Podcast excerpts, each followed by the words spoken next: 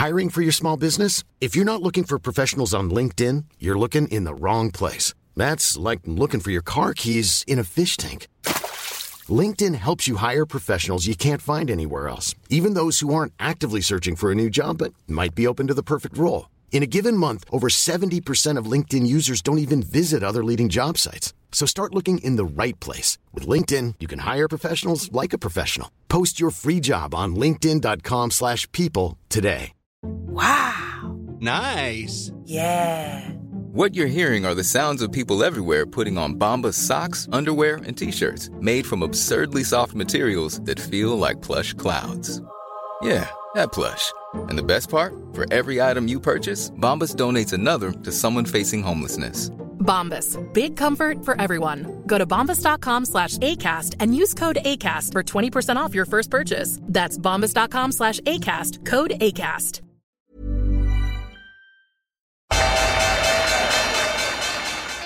They mistook leverage for genius. Leverage for genius.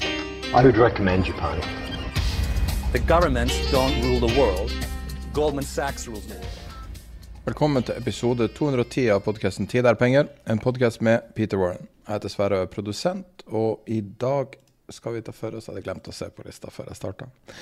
Markedet det er mye eh, drama med olje spesielt. Veldig mye støy. Vi skal snakke en god del om støy i dag. Eh, ellers skal vi se litt på eh, eh, mulig pause fra amerikanske sentralbanken, jobbtall, inflasjon framover. Generelt makrobilde, hva som skjer der. Og så Vi toucher en del innom de samme større bildene rundt finans akkurat nå. Vi slutter med et podkast-tips fra Peter. Og tirsdag er vi på SAS-hotellet, der vi bare spiller inn nok en episode. Akkurat hvordan vi legger den ut, vet jeg ikke, men uh, hvis du skal dit, så ses vi der. Hvis ikke, så tror jeg vi går i gang med episoden. Uh, jeg skal ikke si igjen at jeg gruer meg, men jeg gruer meg. Uh, bare for å få det Jeg liker litt å si det høyt, for det er sånn at man aldri snakker om at man gruer seg til, til ting. gruer meg til live, live episode. Jo, men det er jo en måte å håndtere frykt på også. Ja. Faktisk. Er det det man skal si til alle de folka som er redd for AI? Ah, jeg er litt usikker på, men, men det ene er jo det der å ha en erkjennelse av hvordan man, man føler seg. Det er jo greit nok, og det mange bruker det som å litt å ufarliggjøre det, eh, ufarliggjøre frykten. Så det er jo en metode å gjøre det. Hva å snakke om det, eller å Ja, å snakke om det og si at man er redd for det, f.eks. Jeg tror det er derfor jeg gjør det.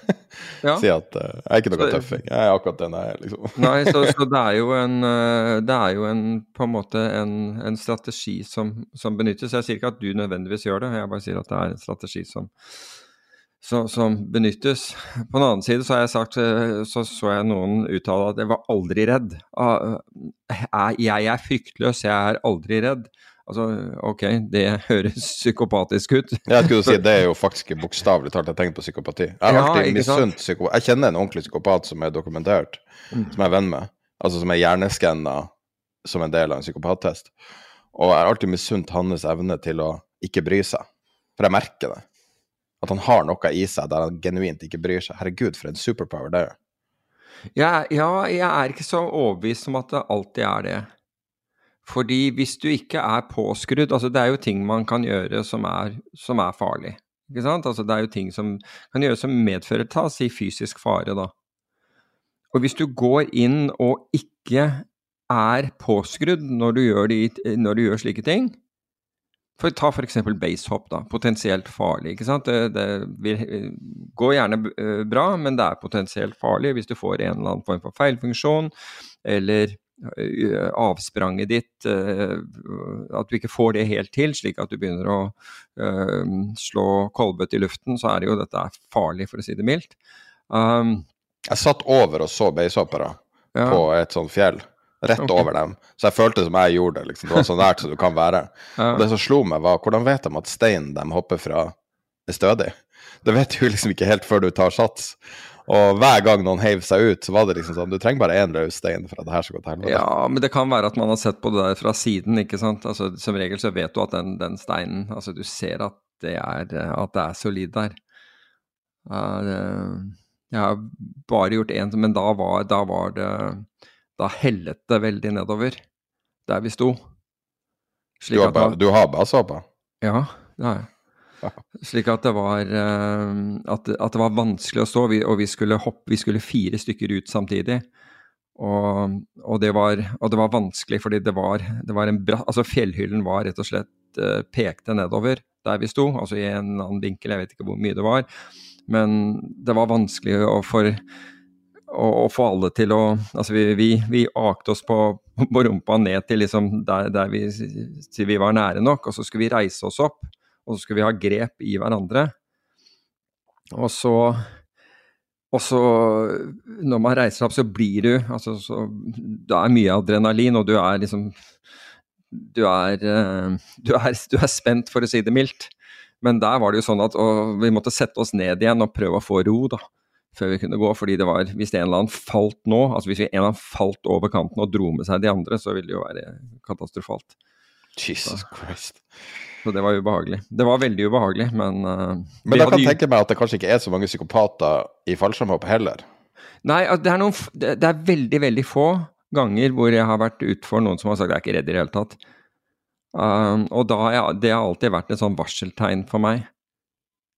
Og um, vi hadde en elev en gang, og um, og han her hadde nektet å, å, hoppe med en annen hoppmester. Og så var jeg kjent for å klare å få folk til å hoppe. Altså, nå snakker vi ikke om å hive de ut av fly, for det gjør du aldri. Du tvinger aldri noen til å gjøre noe som helst. Men jeg var, jeg var da regnet for å Sikkert pga. min egen frykt for, for, høyder, så var jeg relativt flink med dem, da. Sånn å håndtere den, hjelpe dem å håndtere frykten osv. Og, så og så, så når vi eh, så snakker jeg med ham på bakken, fordi det er en av, en av de andre hoppmesterne som kommer bort og så spør gidder du å prøve. Han, han, han, sier han vil hoppe, men vi har akkurat vært han, og han, han nekter. Og så, og så, sier han vil du, vil du prøve? Og så sier jeg jeg kan i hvert fall snakke med han. Så kommer han bort, da, og så, og så sier jeg jeg hører at du er redd for å hoppe, og han nekter. Nei, jeg har ikke nekta i det hele tatt, sier han til meg. Jeg nekta ikke i det hele tatt. Ja, han hoppmesteren Nei, da misforsto. Jeg vil hoppe. Jeg er helt klar. sånn. Ja, sier du, du er helt sikker? Ja, helt sikker. Så sa jeg skal vi gjøre en utstabling her på bakken først, uh, så, du, så, du, vet liksom nøyaktig hvordan dette skal foregå. Skal jeg få piloten til å, uh, til å starte, starte, motoren slik at du kjenner vinden? Nei, det var ikke nødvendig i det hele tatt. Det, han visste akkurat hva han skulle gjøre, ikke noe problem. Så, så vi går opp. Og vi har bare han som elev med oss. Det er en, en, en kar som heter Arnt Aasrud fra, fra, Drammen. Og jeg som går opp, var og jeg skulle hoppe sammen også etterpå. Og så kom vi innover dette, dette er nede på Jarlsberg eh, flyplass. Det er mange mange år siden, så vi hoppet fra en Cessna 182, som er en enmotors høyvinget sak. Og så begynner vi å nærme oss, og jeg prater med han, og han er egentlig ikke interessert i å prate. Altså Jeg forsøker liksom å finne ut hvor han er hen, men han liksom nei, bare vinker meg vekk, liksom. Fordi eleven sitter med, som skal hoppe, sitter med ryggen mot dashbordet ved siden av piloten. Der er det ikke sete, det er bare piloten som har sete, vi andre sitter på gulvet. Uh, så han sitter med ryggen i fartsretningen, og så står jeg på knærne uh, mellom bena hans. Um, eller det er det hoppmesteren gjør. Og I hvert fall så kommer vi opp der, og så sier jeg at nå, nå legger vi inn. Er, er alt greit? Ja, han er ikke noe problem. Og så, ja, og så sier jeg er det greit at jeg åpner døren, for da blåser du litt inn akkurat når du gjør det. Den døren den går opp under vingen, det er en sånn inflight door som er, som er hengslet uh, øverst, og ikke, ikke, ikke, foran, ikke som du åpner en vanlig dør, slik at den, den går opp og, og, og blir, blir uh, liggende helt oppunder vingen. Den, uh, slik at det, det, ikke er noe problem å komme i, i, i konflikt med den. Og han sier bare å åpne sånn. Så jeg åpner døren, og så lener jeg meg ut og ser hvor vi er, og så gir jeg piloten eh, korreksjoner da, på, eh, på, hvordan flyet skal ligge. Det er i forhold til hvor utsprangspunktet er. Um, spør han meg ok, og han bare liksom himler med øya som det var det dummeste jeg kunne spurt han om. Og så kom vi inn og, og, over, eh, over, feltet, da. Og så sier jeg da du har tre kommandoer. Det er gjør klar, still i døra, og så er det go. Og, og, gjør klar, da, da liksom aker han seg frem og still i døra. Da liksom beveger han kroppen ut, slik at han står på, på hjulet på flyet. og holder seg i vingestaget. Og så ser han da inn mot meg eh, til venstre, for jeg er da til venstre for ham, for dette døren er på høyre side. Og jeg, står, jeg er da på knærne i døren på, på flyet. Og dette var linutløst skjerm, da, bare så han, hadde, han trengte ikke å trekke eller noe som helst. Og så, så jeg åpner døren, som sagt, og kommer innover der, gir korreksjonen, og så sier jeg til han eh, gjør klar, hvorpå han bare skriker nei. og jeg sa jeg får det ikke med meg, jeg, får det ikke helt til å stemme, for han har akkurat sagt at liksom, han er klar og hele greia. Uh, og, så jeg gjentar 'gjør klar', og han bare skriker, altså roper nei. Så jeg uh, sier til piloten uh, at jeg vil ha igjen døren, og da sparker piloten litt på pedalen, og så, så, kommer døren ned, og så tar jeg tak i den og, og låser den. Og så, og så sier jeg hva, hva var det som skjedde? Og så sier han hva, hva mener du? Og Så sier jeg hva, hva, var det som skjedde nå? Og så, og så igjen så ser han meg rett inn i øynene og sier hva, hva er det du mener? Så sa jeg du ville jo ikke hoppe. Og Så sier jeg jeg ville jo hoppe. Jeg, jeg, jeg skulle ut, jeg. Og så, og så, ser jeg på Arnt, og Arnt himler med og, så, og så sier jeg at er du sikker på at du vil hoppe? Så går, jeg, så, så går, vi rundt en gang til, for da, du, da gjør piloten en svær 360 graders sving rundt, uh, rundt hoppfeltet og kommer inn på samme måte igjen. Men hvis, hvis, du ikke er interessert i å hoppe, så, så, så, sparer vi oss for det, og da går vi bare ned og lander. Nei, han ville hoppe. Altså, han lurte på hva jeg er liksom, Hvorfor i all verden spør jeg om dette? Ja vel, så vi gjør da denne 360-graders uh, svingen over og legger inn flyet på nytt igjen. Jeg spør han igjen om det er ok at jeg åpner døren, og han sier selvfølgelig er det det og åpner døren, og, kommer, og vi er på vei innover. Og så igjen, gjør klar. Og det samme skjer igjen. Da skriker han. altså Han har fem centimeter fra ansiktet mitt, så skriker han nei. Og så det er, det er bare ikke tale om Og nå var jeg så drittlei fyren. Og så sier jeg til Arnt, gidder du å bli med han ned? Jeg orker ikke dette mer. Og, og, så tar Arnt tak i eh, legg, leggstroppen hans, sånn at han blir inni Vi er sikre på han blir inne i flyet. Og så stuper jeg over han ut, for jeg, jeg orker ikke, jeg må ha noe luft.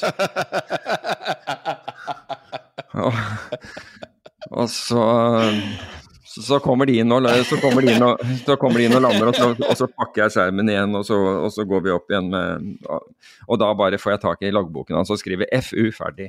Farlig. Farlig, farlig underkjent. Han skal ikke opp igjen, altså. Eventuelt noe annet kan det bety også.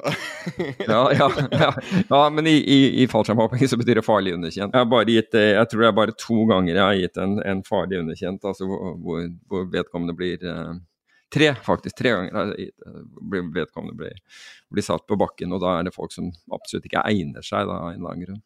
Snakk om å få uh, amnesia i uh, Veldig er, isolert. Men det er ren panikk, altså. Ja. At han ikke husker det, rett og slett. Helt, helt merkelig. Helt, helt merkelig. Jeg har aldri hatt det. Jeg, jeg, jeg har dealet med, med, elevers frykt, og jeg har også uh, dealet med en, uh, en, som hadde nektet i Forsvaret, og så, og så hadde de sendt han uh, ned til oss for å se om han kunne hoppe for å komme tilbake igjen, for å se om han liksom var, Han var offiser. Han bare fikset det ikke. Og du, prøver ikke å tvinge dem ut i det hele tatt, men, men han det, det gikk han ville bare ikke, han, han hadde for, for, eh, for, mye frykt. Så. Men de som kommer da og sier at de har ingen Det er ganske unormalt å slippe seg ut av et fly i litt over en kilometer over bakken, altså det kan jeg fortelle. Det er, det er, det er ikke en normal aktivitet. Nei, men det er jo også det at folk, folk, snakker jo veldig ofte om å si nei, det er så mange sjefer som er psykopater, det er så mange CEO-er, det er så mange politikere. Men jeg har en del forskning om, om psykopati, og og det stemmer ikke. Det er ikke dramatisk overrepresentert. Fordi at ofte når du er ren psykopat, så er du ofte veldig kortsiktig. Sånn at du er ute etter korte klipp. Og når du er sjef eller politiker eller et eller annet, så er jo alt du gjør, veldig langsiktig. Og, og når det gjelder fallskjermhopping, så hvis du er en person som ikke føler frykt, så vil du kanskje dø. Altså du vil rett og slett treffe bakken fordi at du føler ikke frykten ene gangen du burde ha følt det. Det ja, det, det, det det. Du skal jo være, du skal jo være liksom Du skal være tent, men ikke spent, da, for å si det på den måten. Og det er jo naturlig. Altså, jeg vil jo oppleve, pga. frykten for høyder, så ville jeg oppleve det motsatte. ikke sant, At jeg var, var for spent, så jeg måtte regulere det ned, da, slik at, jeg, at du hadde en form for kontroll. Så for meg så var det å regulere spenningen ned. Um, men hvis, hvis, du er der og, og men, men, det gjorde den frykten uh, for, for, høyde gjorde jo at jeg, var, at jeg var nøye med ting, da. Altså at jeg var nøye med i, i forhold, til, um, i, i, forhold til utstyr på meg og den, den, type ting. At jeg var at jeg, at jeg passet på at jeg, at jeg, fikk tak i At jeg hadde, kunne nå håndtaker og, og og pilotskjermen, altså den du hiver ut for å åpne skjermen, at du, at du, får tak i det, at du ikke har stappet den ned i den lommen sånn at du ikke får tak i den osv. At jeg var liksom nøye med det, og at, at treringskabelen satt i, i det, det, er den som holder, uh, holder, skjermen eh, fast i skulderen din, holdt jeg på å si, eller i, i seletøyet. At alt det der var på plass, da. Så Men det er også sånn du ser, hvis du ser boksere f.eks. før en fight, så gjesper de veldig ofte. Mm, det kunne og, jeg, jeg kunne sovne i flyet òg. Ja. ja, men gjespe fordi at uh, de er nervøse. Nervøsitet er bra, og det Altså, det, det, er positivt hvis en bokser gjesper for en match. Mm -hmm. Det betyr at de er veldig på. Uh, men, men, det er ikke helt intuitivt. Det høres, høres jo helt fjernt ut hvis noen er um, i den modusen før du skal fighte, liksom. Men det er kanskje ikke så dumt. Nei, nei antageligvis ikke. Men, men som, som, jeg nevnte, så kunne jeg sovne i flyet. Det, det, gjorde jeg ofte. altså sånn Rett etter avgang så begynte du å duppe av. Og så ville enten klokken din, fordi du visste omtrent hvor lang tid flyturen øh, ville ta, så ville du liksom komme til bevissthet. Eller så ville noen rope f.eks. Øh, rope ut to minutter. Og da boom, så, så, kom eh, adrenalinet opp med en gang. Og da, da på, på tominutteren så setter du deg på Altså hvis det er et lite fly, så vil du sette deg på, på, på, knærne og begynne å justere utstyret, utstyret, ditt. Altså, du, har jo, du, har jo, alt på, men du, du, tighter opp litt og ser at alt er Leggstroppene er, er tighte, og bryststroppen din er riktig tredd i, og går gjennom disse tingene. Er ikke det litt det som kjennetegner spesialstyrker? Er en evne til å slå av og på på, på kommando? Jo, altså du kan si at hvis du ikke klarer det, fordi det er så det er, det er, kanskje spesielt mye for, for, for, eh, for spesialstyrker, det der at, at, du Det er sånn stand to, ikke sant. Det betyr jo at nå skjer det, ikke sant. Eller nå tror du det skjer. Og så er du i stilling, og så, så, man, så venter man og venter og venter og venter på å få go-et. Men så veldig ofte, så, så Mange, mange ganger så skjer ingenting, da. Og da må du ha evnen til å komme ned imellom. Altså, for ellers så, så, sliter du deg ut. Altså, så, altså, I det øyeblikket du får en sånn stand to, så begynner du å produsere kortisol og adrenalin og alle disse tingene som, som går gjennom, og som, som både skal skjerpe deg um, og, og, sørge for at, at, du fungerer optimalt under stress, eller så godt du kan under stress. Men hvis du har det nivået kontinuerlig i kroppen, så slapper du aldri av. Og da, du, da, da, da, blir du rett og slett det man kaller overtrent, fordi kroppen din får aldri slappet av. Muskulaturen din kom, får ikke hentet seg inn igjen, og det gjør ikke psyken din heller. Så da blir du utslitt. Så du må ha den der evnen til å, til å skru av og på, da. Jeg skulle gjerne ønske jeg hadde den, altså. Jeg tror ikke jeg har den. Ja, det kan læres, da. Det kan læres uh, igjen. Altså, pusting kan lære deg å gjøre det, og, og, deretter er det jo en rutine på det, ikke sant. Er det litt sånn rutine som å legge seg, og at du liksom har de samme på en måte rutinene, sånn at du forbereder kroppen? Er det litt sånn? Ja, lite grann, men, men tenk deg f.eks. En, en skiskytter, det er en av de beste, ikke sant, som da går maksimalt frem til standplass får frem våpenet og skal nå være helt rolig for å treffe en blink som er Jeg vet ikke hvor stor den er, men den er ikke svær. Er det fem centimeter eller et eller annet sånt? Um, og da er du jo nødt til Altså, hvis du hiver etter pusten og adrenalinet spruter, så klarer du ikke å holde det våpenet i ro. Og det er jo en, en enorm uh, egenskap de har til å få, få til det. Og, og, man merker jo litt sånn i militæret også, for det kan være at du at du beveger deg voldsomt, altså fort eller et eller annet sånt for å komme i stilling for å legge deg ned for å gjøre et eller annet, og da må du være rolig. Men, men skiskyting er et ekstremt godt eksempel på, på det, hvor du er da må du, det, er, det eneste du kan få deg ned, det er at du forbereder deg idet du, du, du nærmer deg den standplassen. Du kan ikke slå av hastigheten din for tidlig, selvfølgelig, fordi da kommer de andre til å løpe forbi deg. Men du må være i stand til å være helt i et annet modus når du er på den standplassen, og det har med pustingen og, og muskelavspenning og den type ting å gjøre. Også den eneste idretten det omtrent ikke går an å dope seg til. Ja, det er helt riktig. Hvis du blir bedre på den ene delen, så blir du dårligere på den andre. Det er helt riktig. Fordi du, du, kunne jo tenke deg betablokker, ikke sant? Ja, det er akkurat det. det er. Ja, Men betablokker uh, reduserer uh, kapasiteten din, altså uh, formen din. Ikke sant? Så det er helt riktig. Jeg aner ikke om noe no, no dop som, som ikke, ikke, Altså hvis, Det er som du nettopp sier, hvis du gjør det ene, så, så, så skader det det andre. Så, ja. Kanskje EPO ikke, ikke, gjør det, men Nei, det, det, vet jeg ikke hva Altså EPO øker ikke det Øker ikke det oksygenopptaket ditt? Eller er, er det EPO Ja, du får du, tykkere. Blodet ditt blir tjukkere. Sånn at blir, blir tykkere. Det var jo en en norsk syklist som var med i en EPO-test, og han sa at når du springer motbakke eh, Altså en, en, en, vitenskapelig test av EPO. Eh, og når du springer motbakke, da, så plutselig møter du veggen hvis du springer i full fart i motbakke. Og han sa at med EPO så møter du veggen, og så bare springer du rett gjennom den. Oh, wow. Og det er bare sånn Faen, det hørtes appellerende ut. Men uh, ja. det er det eneste jeg vet om. Uh, skal vi snakke om finans, siden vi er 21 minutter inne i opptaket nå? Før vi går i gang med innholdet vanlig, så skal vi ha et kort sponsa innslag, som er den serien vi kaller Med deres egne ord. Vi har et ønske om å lære oss mer om selskaper på Oslo Børs. Hvordan de driver, hvordan de fungerer. Hva er, de, eh, hva er businessen deres? Og I dag har vi Hunter Group, som har et total omlegging, så det passer veldig godt. Får vi virkelig høre hva det er det nye prosjektet de har. Her er Erik Frydendal, CEO i Hunter Group. Så Hunter Group er et sånt selskap som jeg tror de fleste har hørt om men uh, som man kanskje egentlig ikke vet så mye om. Kan du fortelle litt om uh, hvordan dere ble til, og, og, hva dere er nå?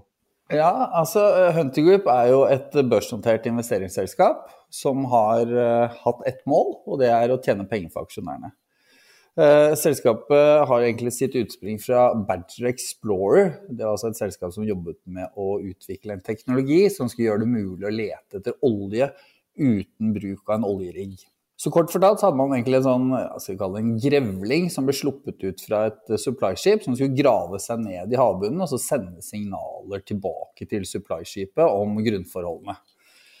Og inn i det så, så, investerte man vel nesten 300 millioner, men uh, man fikk vel egentlig aldri den teknologien til å virke, for å si det litt sånn forsiktig.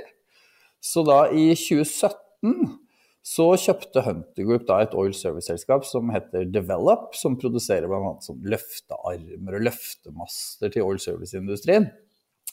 Og da var planen å fusjonere Hunter Group med et annet oil service-selskap, altså til IKM Subsea Technology, en, i en transaksjon da, som, som, vi, dette var før vi kom inn, syntes var ganske friskt priset så ble det da i praksis en kamp om kontrollen i Hunter Group mellom da Arne Fredli, som vi jobbet for, og IKM, som uh, endte egentlig med at Arne tok over kontrollen av, uh, av Hunter Group. Dette var i, i 2012, og, og, det var sånn egentlig vi endte opp med da, kontrollen i Hunter Group. Og, og Develop, da, som hadde blitt kjøpt da kort tid i forveien, det delte vi da ut til aksjonærene, for vi følte at det passet egentlig ikke så godt inn i den eh, fremtidige strategien.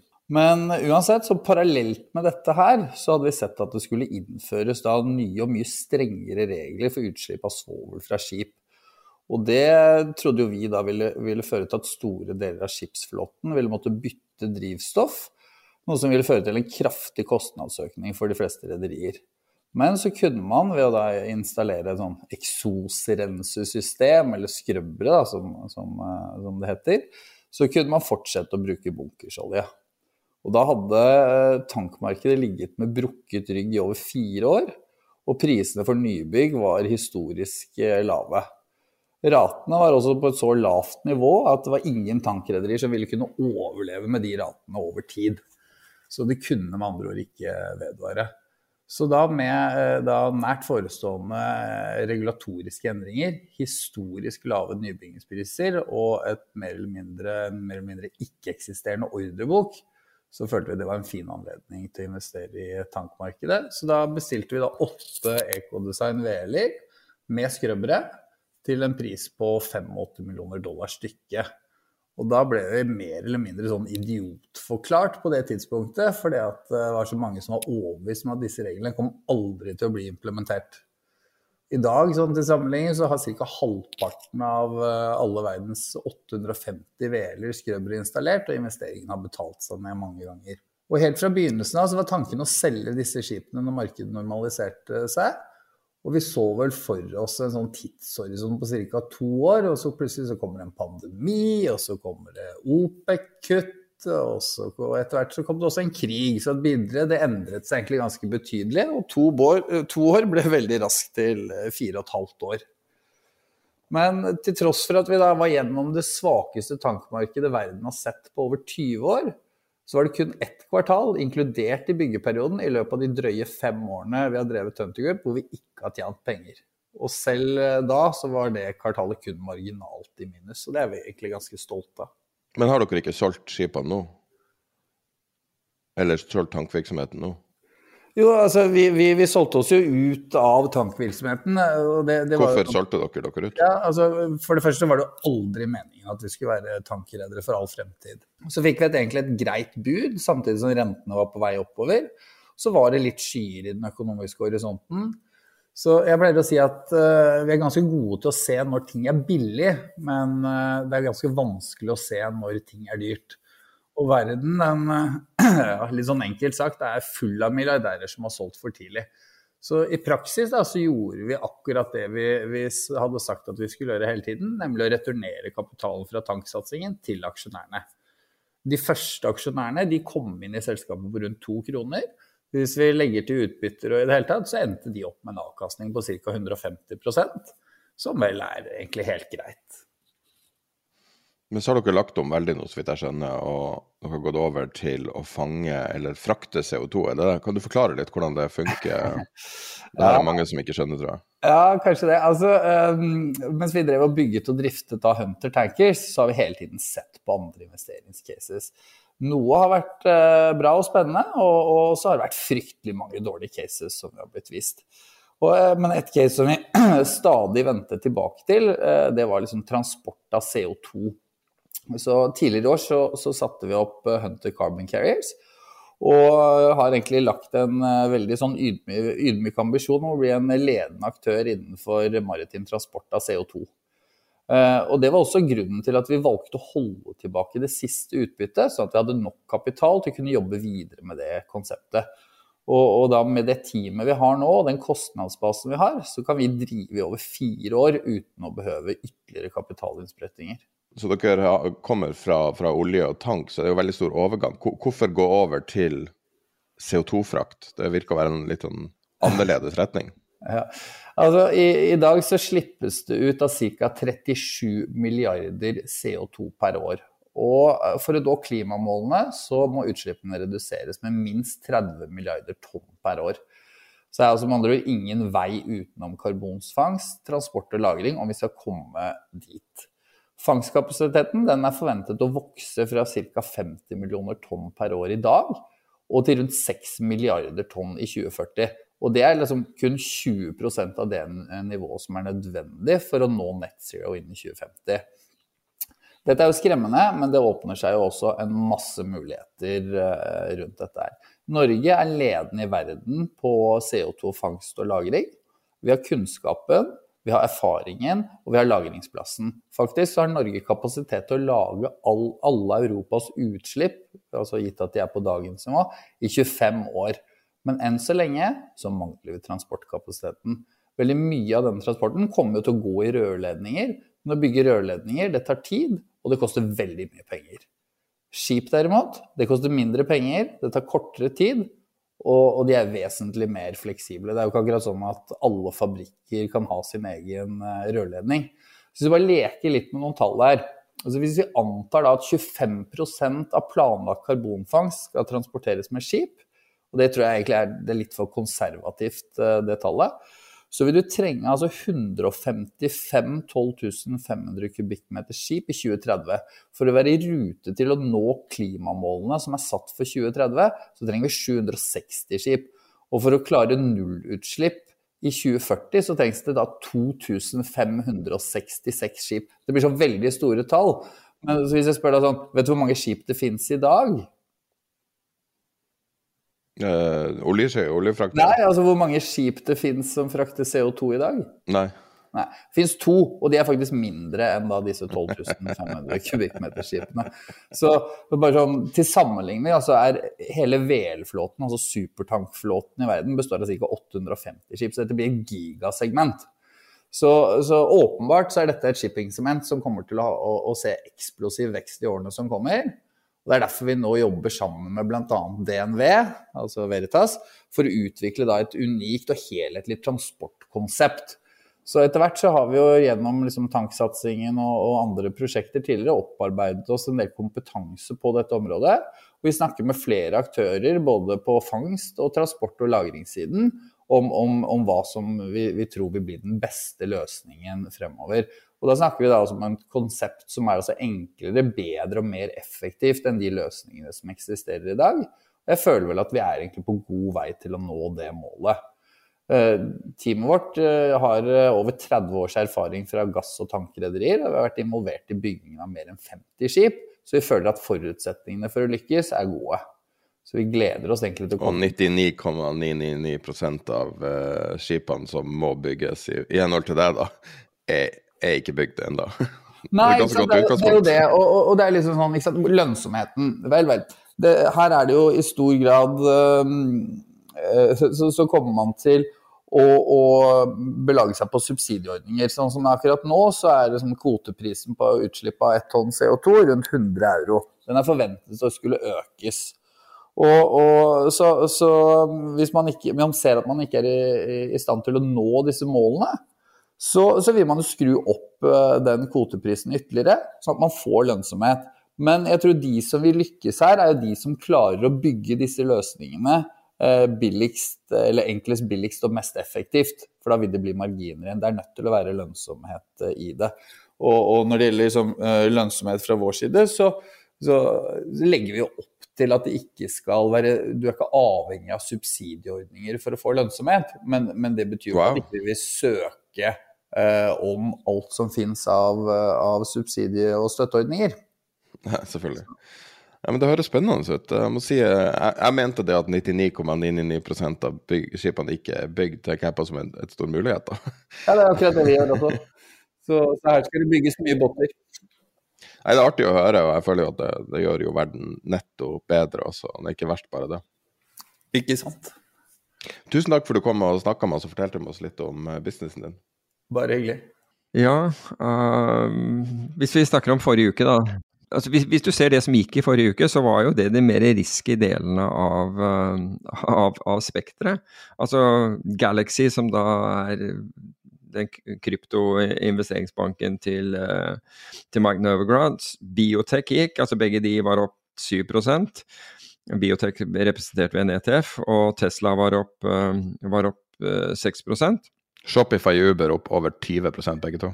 Oh, wow. De, de fulgte, ja, men, ok, men det er, det er, på en måte i samme, samme sjangeren, altså den mer risikable delen av, av spekteret. Mens, mens, på nedsiden så, så, var det egentlig alt du igjen, alt du vil skal være, bli billigere. Kull falt med 12% kraft, eh, altså nordisk kraft levering i tredje kvartal, eh, tredje kvartal ned 11 eh, amerikansk naturgass også ned 11% europeisk naturgass ned 7 og olje falt, falt 6% etter å ha vært vesentlig mer ned. Olje falt jo med hva var det, over 9% på, på, på to dager, så det var jo Eh, spesielt det som, det som, skjedde der. og Jeg vet mange lurte på om det var eh, eh mye av spekulanter som, som kastet kortene. Men COT-rapporten, altså den som viser 'commitment of traders', altså de viser da spekulanter kontra industrielle aktører, um, sitt agerende i, um, i uh, amerikansk uh, olje, i future, den viste en nedgang av, av long på long-siden, som ikke er veldig stor, bare så det er sagt. Altså I utgangspunktet er er ikke veldig mange long uh, olje, i hvert fall ikke historisk sett. Men det var vel en nedgang på ca. 8% der. Oljeproduksjonen for øvrig steg med, ifølge EIA, steg med 100 000 fat per dag. USA importerte eh, 20 000 fat. Og, og de er, hva er de har nå? Er det, det Jeg tror de er på 6,4 millioner fat per dag, er det ikke det? Det. Mens de amerikanske lagrene falt med 1,3 eh, millioner fat til 459,6 millioner, millioner fat. Men det var, det var forholdsvis store bevegelser eh, rundt omkring. De fleste aksjeindekser var, var, ned, med unntak av Nasdaq som så vidt kom seg over, um, over streken. Oslo Børs ned 1,8 og MSCI World ned, ned, ned 2 Husker du den indeksen som heter Breakwave Wet Freight Futures? Husker ja. du den? Ja. Den er jo på det laveste det har vært siden noteringa, og eh, den har kommet tilfeldigvis nå som ETF også. BWET heter den.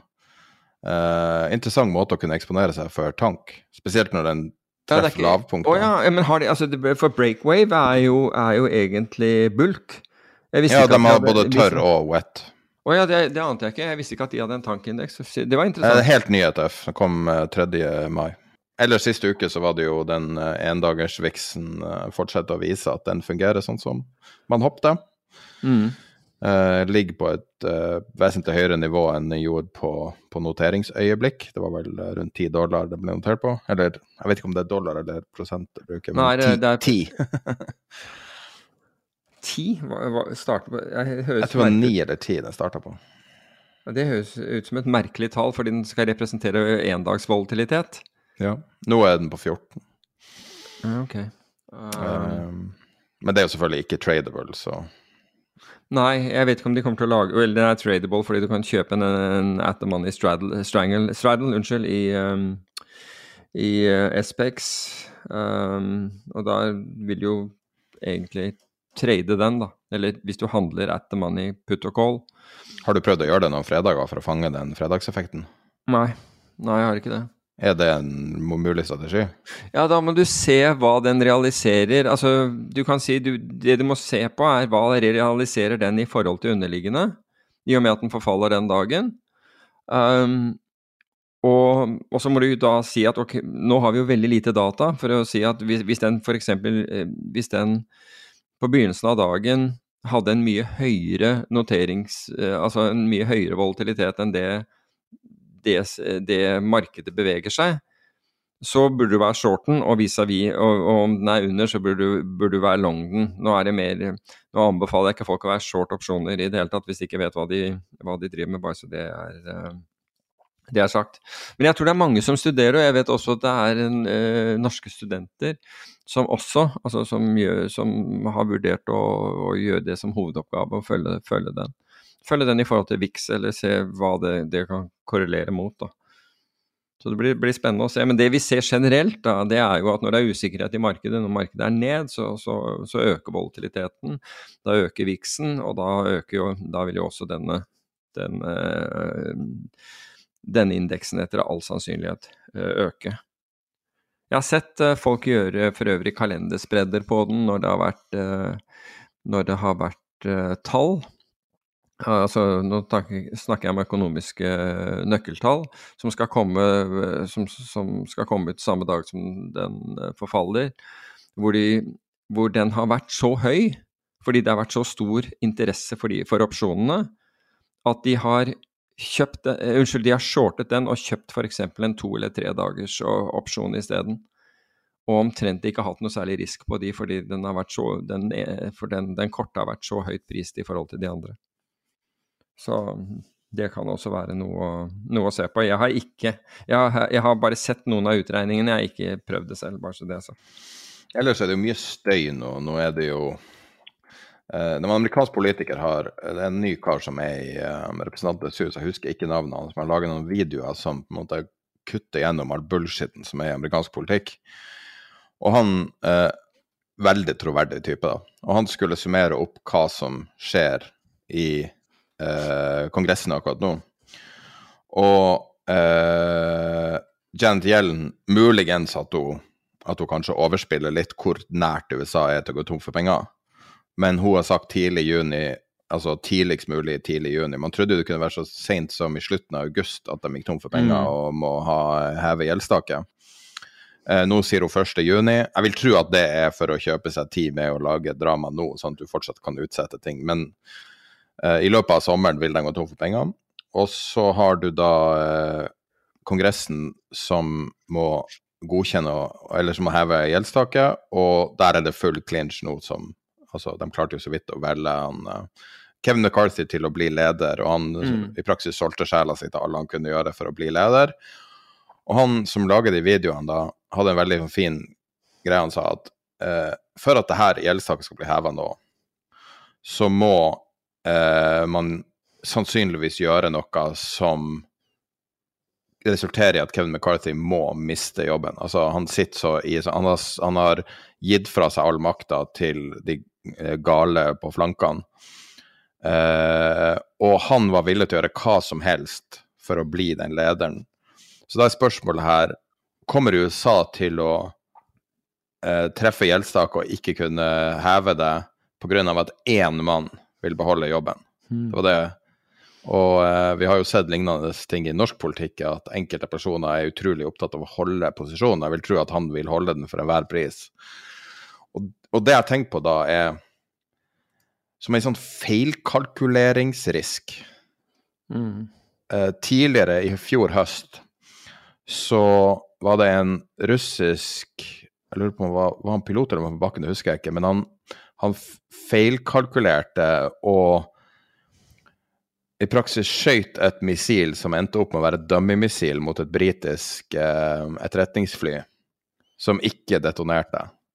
Hvis det hadde gjort det, så ville det ha utløst artikkel 5, og vi er i full tredje verdenskrig. Det bare ikke detonerte. Altså, det kunne ha gjort det, det gjorde ikke det.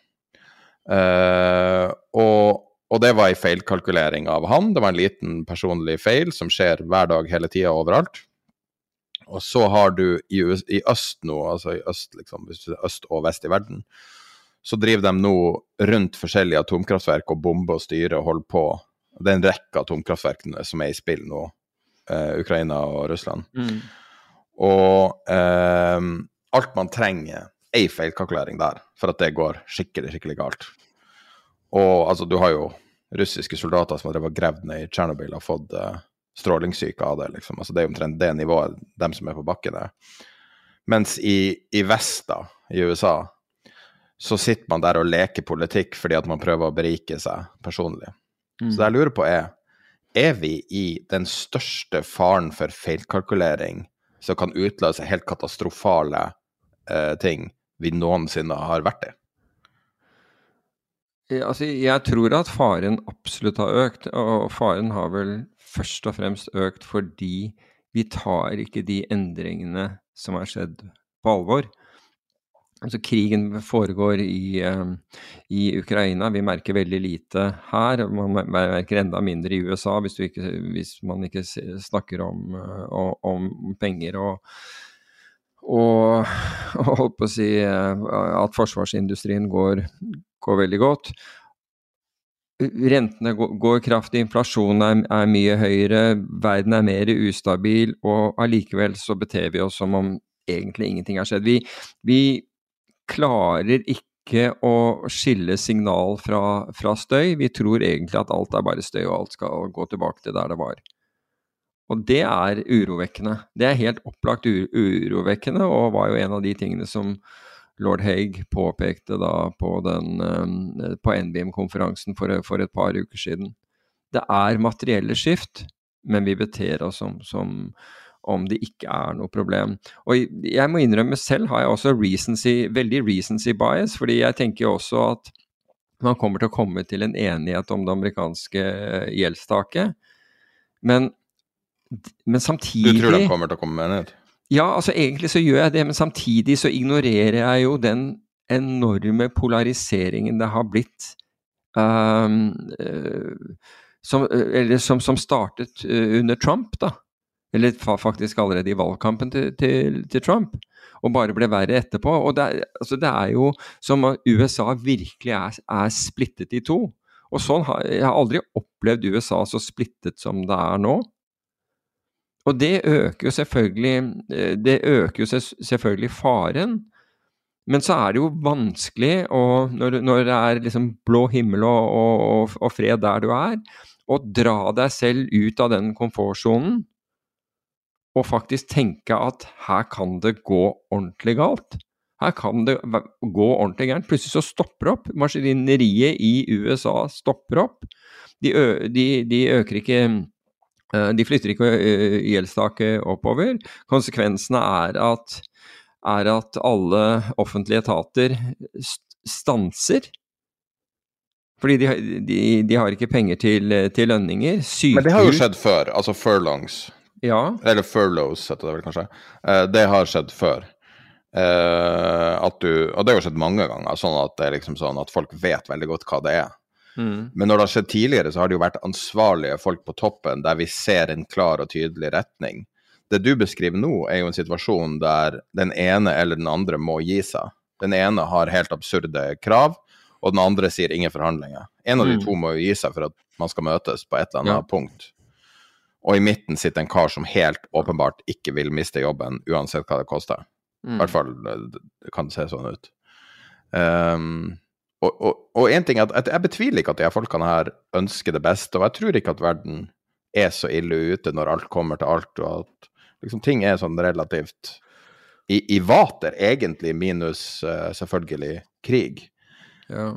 Men det som er skummelt nå, er at det er så mange som er på kanten av at det ikke lenger er i orden.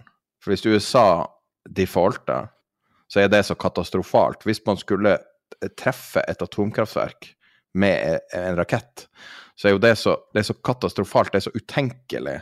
Og det er, det er en, en, irreversibel ting. Du kan ikke gå tilbake på det. Mm. Og når du har de to tingene samtidig, som står der som en sånn, sånn enorme greier som, som, kan skje når som helst, jeg kan ikke huske at, at, vi har hatt så uavklarte ting som bare trenger én feilkalkulering for å gå til helvete.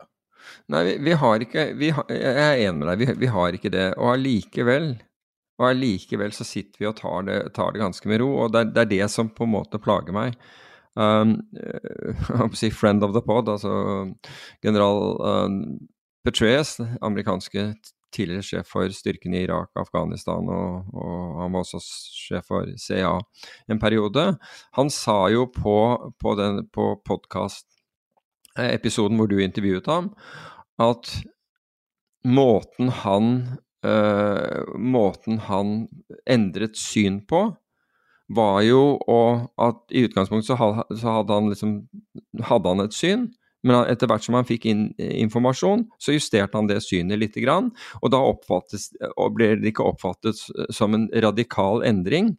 Når han da egentlig altså, Det kunne hende at, liksom det, at det var 180 grader, men han, han snudde, snudde, seg aldri fra pluss til minus i én beslutning. Det var, det var, ting som skjedde underveis, som justerte han og justerte han og justerte han, til han hadde da et, eh, et nytt syn. Og det som plager meg her, det er at vi, vi gjør ikke det. Vi sitter egentlig med det grunnsynet at alt skal gå bra, og det, og det tviholder vi på, istedenfor å justere og justere og justere litt på det synet etter hvert som vi får inn ny informasjon.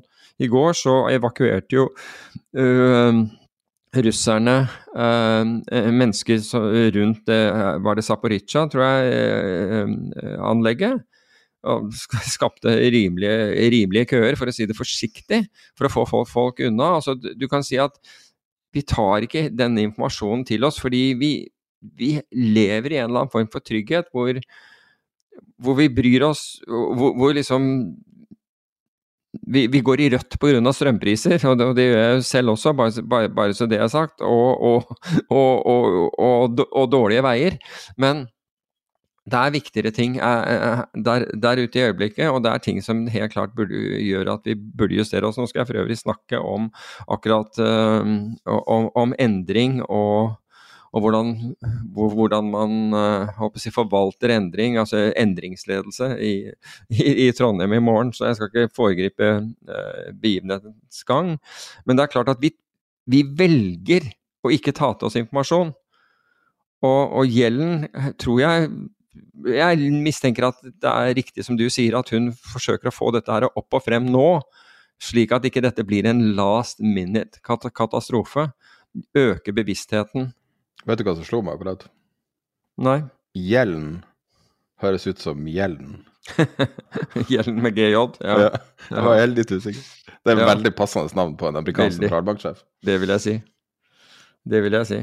Så Nei, men det er jo litt sånn Du har lagt inn et sitat, jeg vet ikke hvorfor du har lagt inn et sitat i dag, som er 'virtual reality is like dreaming with your eyes open'. Eh, jeg vet ikke hvor du har det sitatet fra, men det er jo på en måte det vi gjør. Altså, vi, altså Det er jo liksom sånn Why do they call it the American dream? Because you gotta be asleep to believe it. På en måte. og, uh, og, og det er litt der vi er nå. Altså at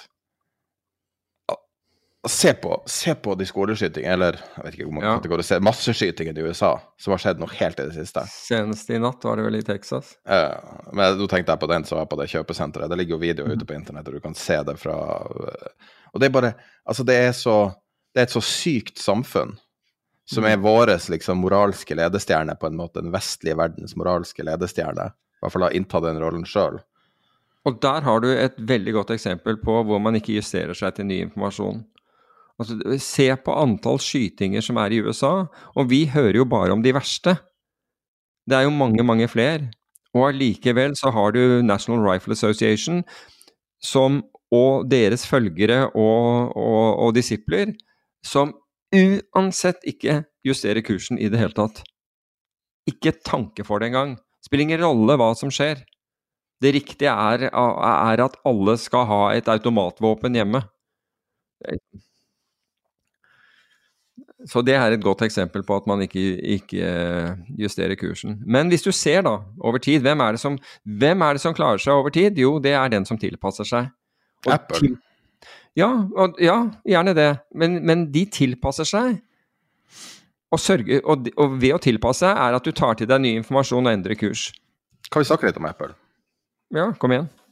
Jeg har ikke forberedt på det her, så du tar det her nå. For jeg, jeg vil liksom høre din vurdering. da. Så Apple er på en måte markedsoppturen.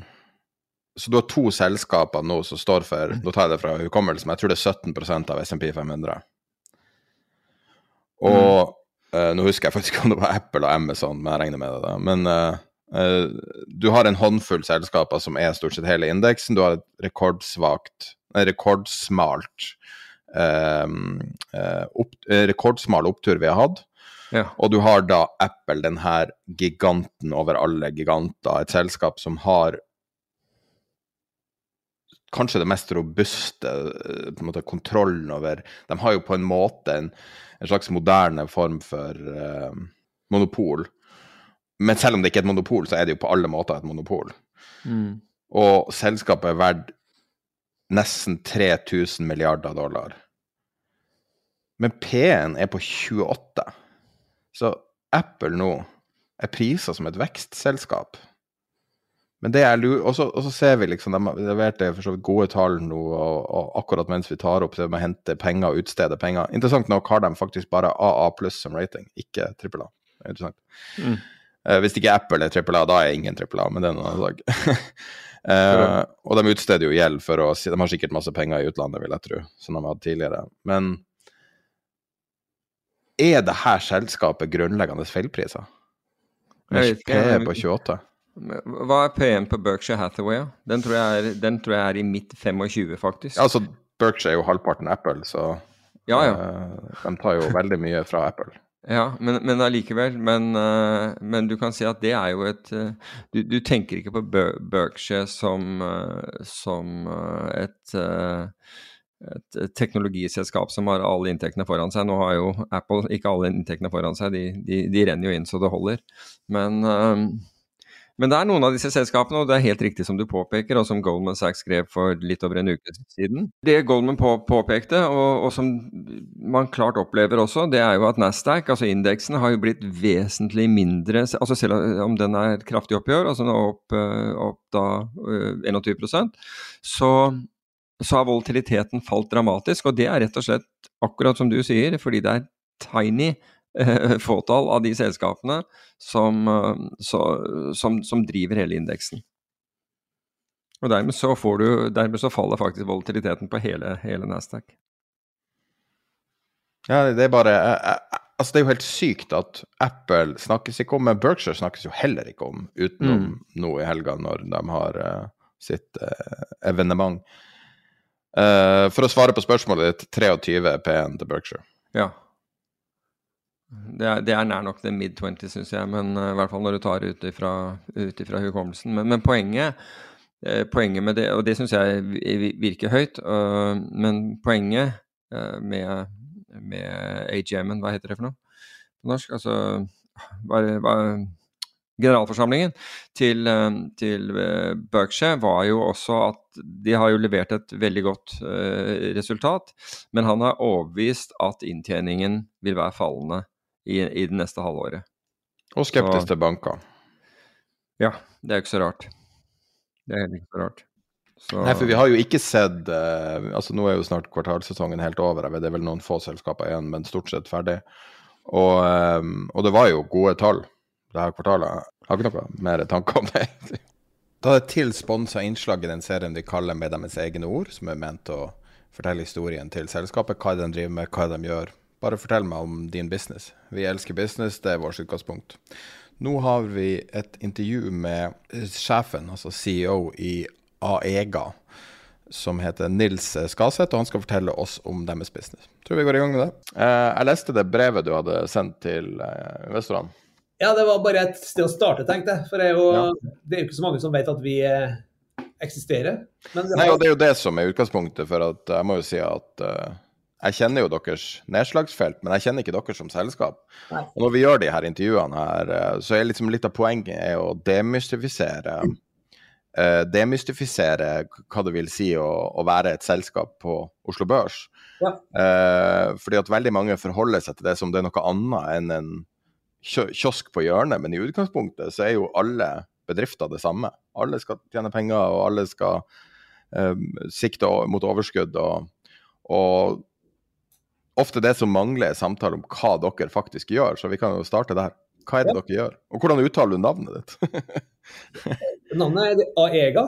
Ja, rett fram. Kommer, kommer fra latin. En, eh, jeg husker ikke nøyaktig hvilken solgud det er, men det er en av dem. Det er jo ikke så verst navn. Det matcher jo ganske godt det dere jobber med. Vi er jo et, eh, vi er jo et energiselskap, og som driver av bare med solenergi. Men eh, vi er ikke fundamentalister vil jeg si, i forhold til det grønne skiftet. så Det var ikke der det starta. Men man så at det var et behov eh, i Italia særlig da, for eh, mer energi. Og det behovet er like sterkt i dag. Og så kan du si hvorfor Italia, men det er det mange grunner til. Men der har vi etter hvert over årene, også siden jeg kom inn her for en, tre år siden, en veldig bra footprint. Og vi har veldig god kontroll på liksom, de faktorene som vi kan ha kontroll på som er våre egne anlegg og vår egen pipeline. Og så er det litt sånn som ellers i energibransjen. Det er jo én ting vi ikke egentlig styrer, og det er jo prisen på varen. Fordi den settes i, i et europeisk eller til og med et verdensmarked. Hva, hvordan var det å sitte der du sitter nå, når du får beskjeden fra om Italia på, som påvirker dere veldig det korte bildet? da? Ja, hvordan opplever dere en sånn type eksternalitet som leder? For det som skjedde, bare for å ta kort for de som ikke har lest brevet, så når Eller da, heter det. Russland invaderte Ukraina, så spika gassprisene. De var allerede på vei opp, men det ble veldig mye verre, og volatiliteten økte. Det gikk liksom fra sånn 120 euro på megawatten til 1000. Så du fikk 8-10 ganger prisøkning. Og så ser jo det i utgangspunktet bra ut, men så snakka jeg internt med mine her, og litt med min bakgrunn fra finans, og så skjønte jeg at når det blir så store utslag, er neppe positivt her, kan vi risikere at det kommer et eller annet. Så vi gikk gjennom alle businessmodellene våre og så at uh, vi har regna såpass konservativt at dette kommer til å gå bra likevel, men vi, vi, hvis det kommer en regulering, så blir det spennende å se hvor, eh, hvor mye kutter de liksom, inntektene våre. Klarte du virkelig å se det komme på forhånd? Italia? Nei, vi så ikke at det kom, men så at når noe øker så dramatisk, og vi begynte, så hadde vi allerede litt erfaring sant, fra Norge med den strømkrisen, som man har kalt det her, da, når det hadde begynt å øke. Men det kom jo virkelig utover vinteren. For Det interessante her er jo at Unnskyld. Nå skal ikke jeg lage her til en politisk diskusjon, for det, da må vi ha mye mer tid. Men eh, det viser igjen at hvis noe blir kritisk infrastruktur, sånn som alle våkna opp og skjønte at uh, levering av energi var, så da kan du risikere å bli regulert. Og vi ble regulert på den måten at det ble en cap på oppsida. Sånn at for jeg presiserer at for vår del så er det viktig å se på som at det er et, eh, en loss of opportunity, noen inntekter vi ikke fikk, som vi kunne fått. Uh, det ble ikke tatt fra oss alt vi hadde i lomma, liksom. Det var det ikke. Men uh, vi kunne tjent mye mer penger i fjor enn det vi uh, endte opp med hvis den capen ikke hadde kommet. Men da, det blir liksom veldig hypotetisk, da. Så vi var nødt til å forholde oss til den realiteten som er til enhver tid. Etter jeg har lest brevet du, du skrev til investorene, så tenkte jeg at kanskje man har misforstått litt de her casene. fordi at solenergicasen er jo egentlig fundert på en veldig langsiktighet. Og så er man veldig fokusert på en veldig kortsiktig hendelse som også man har ingen kontroll over. Ja. Er det en overvurdert Altså hvor stor effekt det kommer til å ha? Ja, det tror jeg. Og så er jeg glad du stiller spørsmålet, fordi det er mange som ikke gjør. Det, det høres ut som at jeg snakker deg til munnen, men jeg mener det. Altså. Det, det, det er et ekte spørsmål. Nei, for det er klart Når du ser på solenergi, dette er i Italia så er dette ganske modent. De er det landet i Europa som har installert mest eh, kapasitet per eh, innbygger. Og de er 60 millioner innbyggere, så det blir mange i absolutte eh, termer også.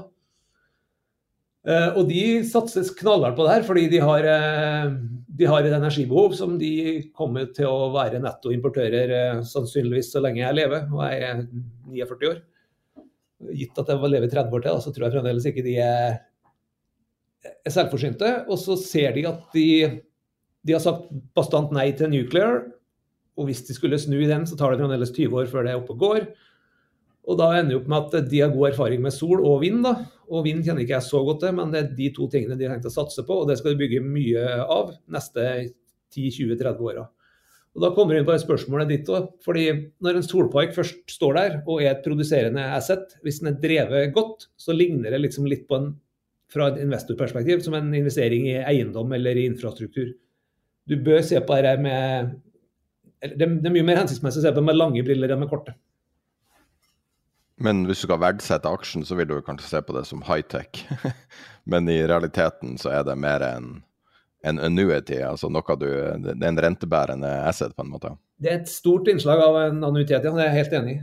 Og så kan jo det, og da er vi over på mer sånn hvordan markedet priser for forskjellige selskaper. Eh, det er ikke sånn secret saucen vår, da, hvis den er der, er at vi, har, eh, vi vet hva vi holder på med, og vi får kjøpt liksom, på de eh, på, mener vi selv, gode priser. Men det er klart at om strømprisen skal være 100 euro megawatten eller 130, det kan ha stor utslag på regnestykket, men det er jo ikke noe jeg dessverre direkte kontrollerer. Nei. Så i, hvis man skal se på det fra et markedsperspektiv, altså fra en objektiv observatør, er du litt som et oljeselskap da? Eller er du som en oljeservice, eller er du som en, en uh, annen supply-del? Hvordan, hvordan, vil du kategorisere det? Ja, vi produserer jo energien, så vi, jo, vi er veldig nær eh, energikilden. da. Altså, ja, jeg tenkte Når du snakker om eksternaliteter, altså du, basically du, du tar prisen du får. Uh, vi, vi, kan gjøre, vi gjør jo forwards eller PPA-er, men vi har valgt å ikke gjøre så veldig lange. Og De lengste jeg har sett i Italia, er vel en, egentlig bare en to-tre år. Vi gjør ofte ett år. Og så har vi en, noen parker som er i spotmarkedet, bare for å diversifisere litt. For å ja. få oss, trodde vi da, for å få med oss de gode årene som vi kanskje ikke kontrollerte. Nå fikk vi ikke med oss det fullt ut i fjor likevel, men uh, det var på en måte gitt utafor modellen hva du tror om eh, veien videre? Det er jo et, nesten et dumt spørsmål å stille nå, eh, ettersom at eh, det siste året har vist oss at det er helt umulig å spå noe i energimarkedet, og egentlig noe som helst. Men hva du forventer skal skje? Jeg forventer at for Italia sin del så det, kommer det til å bli eh, bygd ganske mye. Vi har satsa på de mindre anleggene, fordi vi ser at der er det mye lettere å få for de som skal bygge dem, da, så er det mye lettere å få tillatelse. Det minner om den vinddiskusjonen som vi har hatt i Norge. Eh, og hvis du bygger en enorm park, si at den er 100 megawatt-park pluss, så kan det gå fem år med byråkrati, og så om fem år så har det egentlig ikke skjedd noe som helst, annet enn at du har brukt en masse penger på byråkrati, som da sier nei til parken din. Hvis du bygger ti parker på 10 megawatt som er spredt litt rundt, så er det mye større sjanse for å få det til. Og da kan du være kanskje i produksjon i løpet av 12-18 måneder fra du starter prosessen. Er du bundet til Italia? Er det Italia som er ditt marked, eller er, det liksom eh, den har, delen av Vi Europa? har, vi har kikka litt på andre ting òg, men vi mener at det landet er det som vi har størst fortrinn for å operere i. Og klart Jeg skal, skal ikke si absolutt nei, men det ville ha fostra at vi måtte ha hatt en samarbeidspartner eller funnet et team i den andre aktuelle regionen da, som vi kunne ha jobba med eller jobba hos oss. For sånn som det er nå, så Jeg ville jo ikke ha begynt business i Sverige engang, antageligvis, uten at vi var helt sikre på at vi hadde noe på bakken der som vi kunne stole på. Det, um, vi har jo hatt eh, Otovo som eh, eh, diverse Altså i, i samme form som deg flere ganger med flere forskjellige ting, og vi, vi, vi, vi kjenner dem godt. Og, og når jeg var i, Spania, i Malaga, så satt jeg på en takterrasse der og sendte et bilde til Andreas i Otovo og sa liksom bare her er det mye potensial. For det var veldig mye sol, veldig mange tak, og ikke et eneste solcellepanel å spore. Nei. Er det sånne type ting dere ser mot, eller er det kun parker? Vi kikker på mer industrielle ting enn i hvert fall det du beskriver der. Når det er sagt, så i Italia så tror jeg det er ja, Ikke arrester meg på det her, da, men en, ca. 1 million installerte som de definerer som eh, solparker. Men da er det veldig mange som er små, selvfølgelig. Men det er ganske mange anlegg. Hvor mange tror du du kommer til å ha framover? Har du noen estimater på det? Det, det, skal, det skal bygges ut mye. og Hvis du sier at de er på jeg tror de ved utgangen av fjoråret i Italia har sånn 24 gigawatt, og så skal de komme seg til de, alle regjeringene, og i Italia så må man jo snakke om det i flertall, så har de alle bekrefta at det er mellom eh, De skal opp 50 til 70 gigawatt er målsetningen innen 2040. Og det er jo ikke så lenge til, så da skal man doble, kanskje tredoble kapasiteten hvis man skal dit. Så du sikter om å doble og tredoble din kapasitet? Eh, Vi er der nå at vi eh, kunne bygge, gjort mye mer enn det hvis vi hadde en hensiktsmessig funding på det. Men så får vi se om vi skal kjøpe Vi, vi vurderer to ting. Det er mer i annonsmarkedet som vi da allerede har. Ting som ligner på den profilen. Og så ser vi jo at eh, med den fokuset som er på nybygg, da, så er det interessant for oss å, å, være med på det fremover. Er det noen store ting du ser for altså, Er det noen teknologiske framskritt eller eh, omstillinger? Nå er jo f.eks. batteri er blitt en større faktor når man snakker om solcellepaneler. Hva er det du ser eh, framover som vi kan forvente oss av endringer? Jeg er ganske sikker på at eh, om det blir batteri, da, eller i hvilken form, er jeg usikker på, men at en eller annen form for lagring det er jo det som er det hellige gral for eh, fornybart. I hvert fall hvis vi snakker om sol og vind. For Vi har jo en åpenbar eh, egenskap i at man produserer jo bare når sola skinner. Så om natta så er det jo ikke noe produksjon. Og vind produserer jo bare når det blåser. Så hvis du kunne magasinere det der, og det tror jeg vi kommer til å få til Men om det blir neste år eller om fem år, er jeg litt mer usikker på. Men det vil jo løse veldig mye av alle utfordringer, som var balansering av griden, og at du kan ha en mer stabil priskurve osv. osv. Supert. Trenger du høye strømpriser for å, for å ha en uh, bunnsolid business? Nei, ikke veldig høye. Vi ser på Der er jo litt igjen da, litt over til hva for investorene forventer, men nå er markedet her har modna veldig.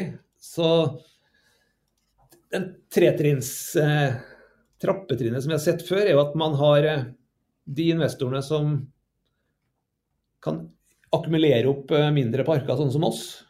Typisk er at når vi kommer til et eller annet nivå, så kan vi selge til en aktør som er litt større, som kikker på liksom 50 istedenfor 10 megawatt.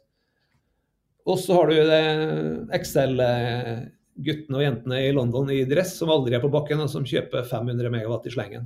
Og de har yield-krav som er veldig lavt.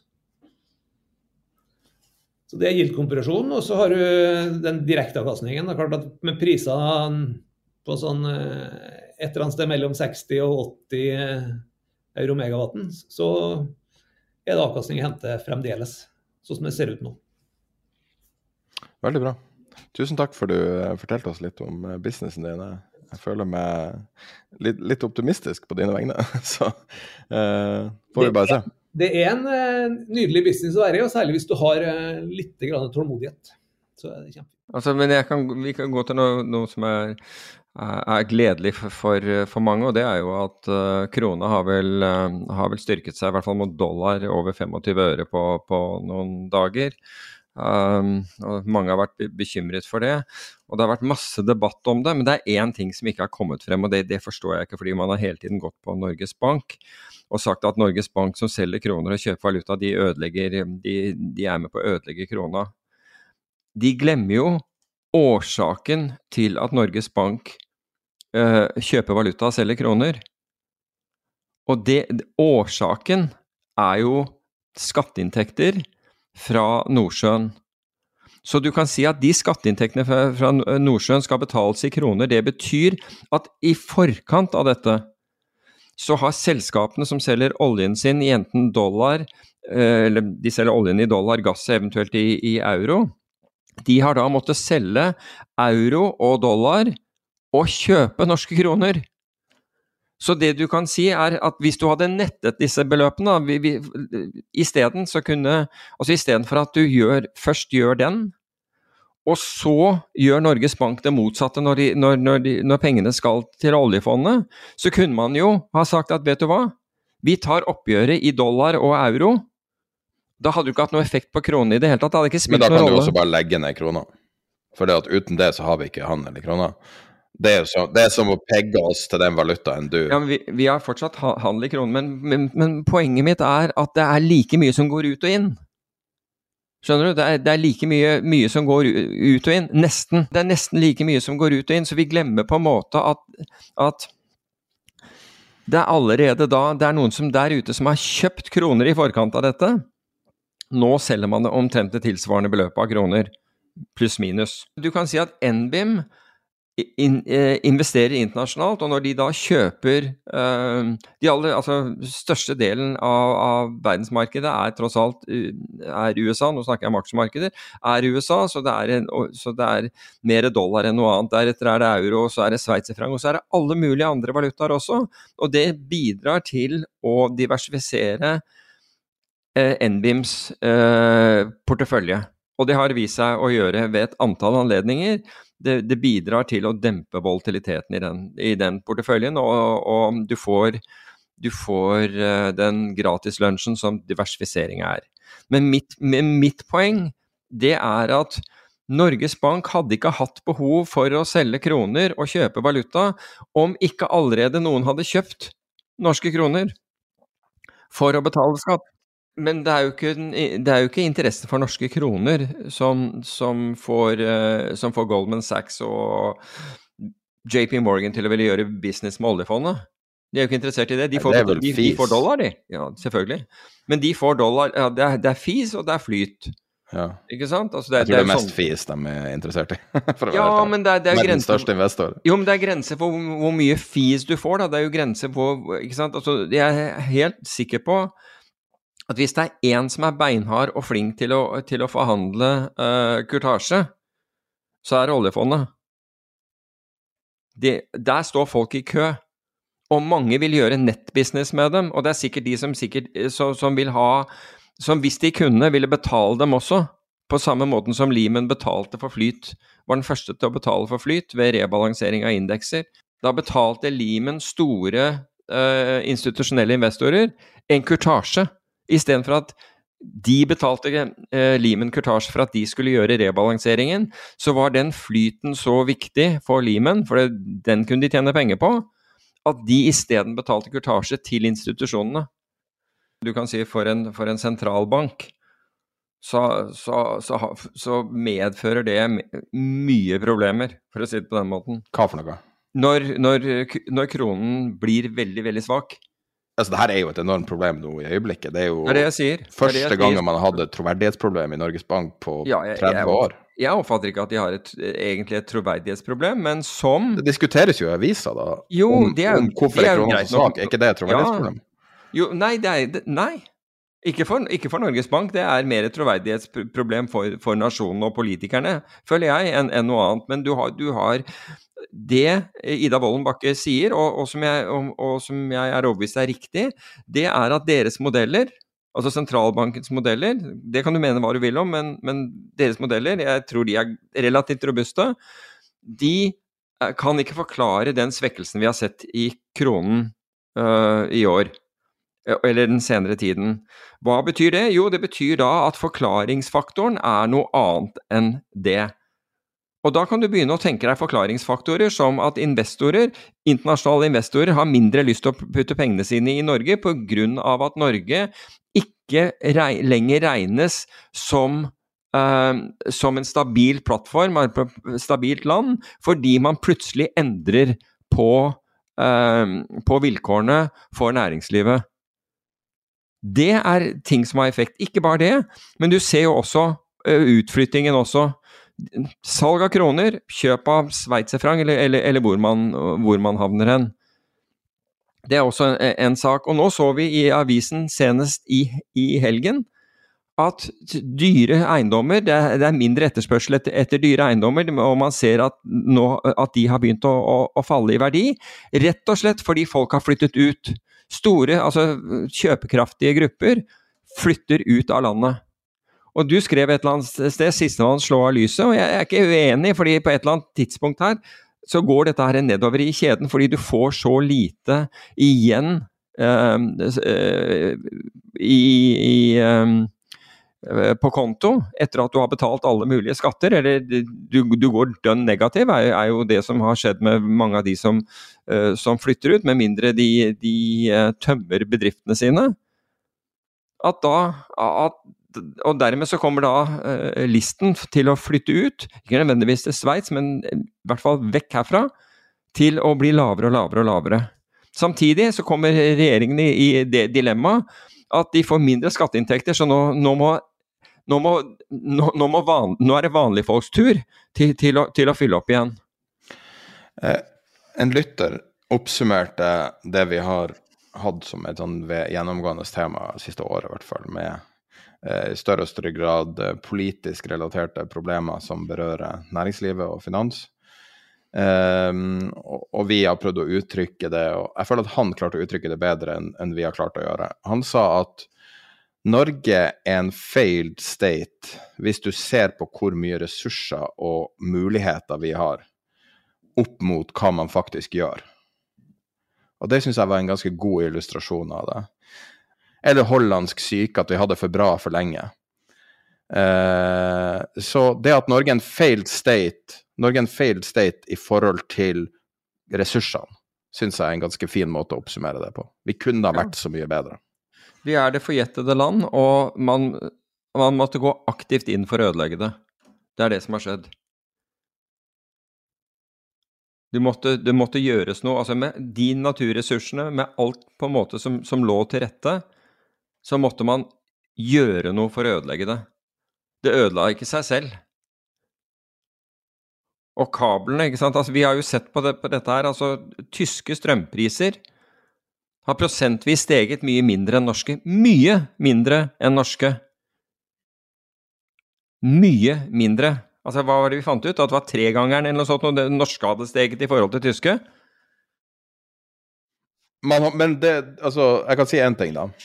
Det. EU-strømsystemet har fungert. For man har i praksis én strømpris i EU nå.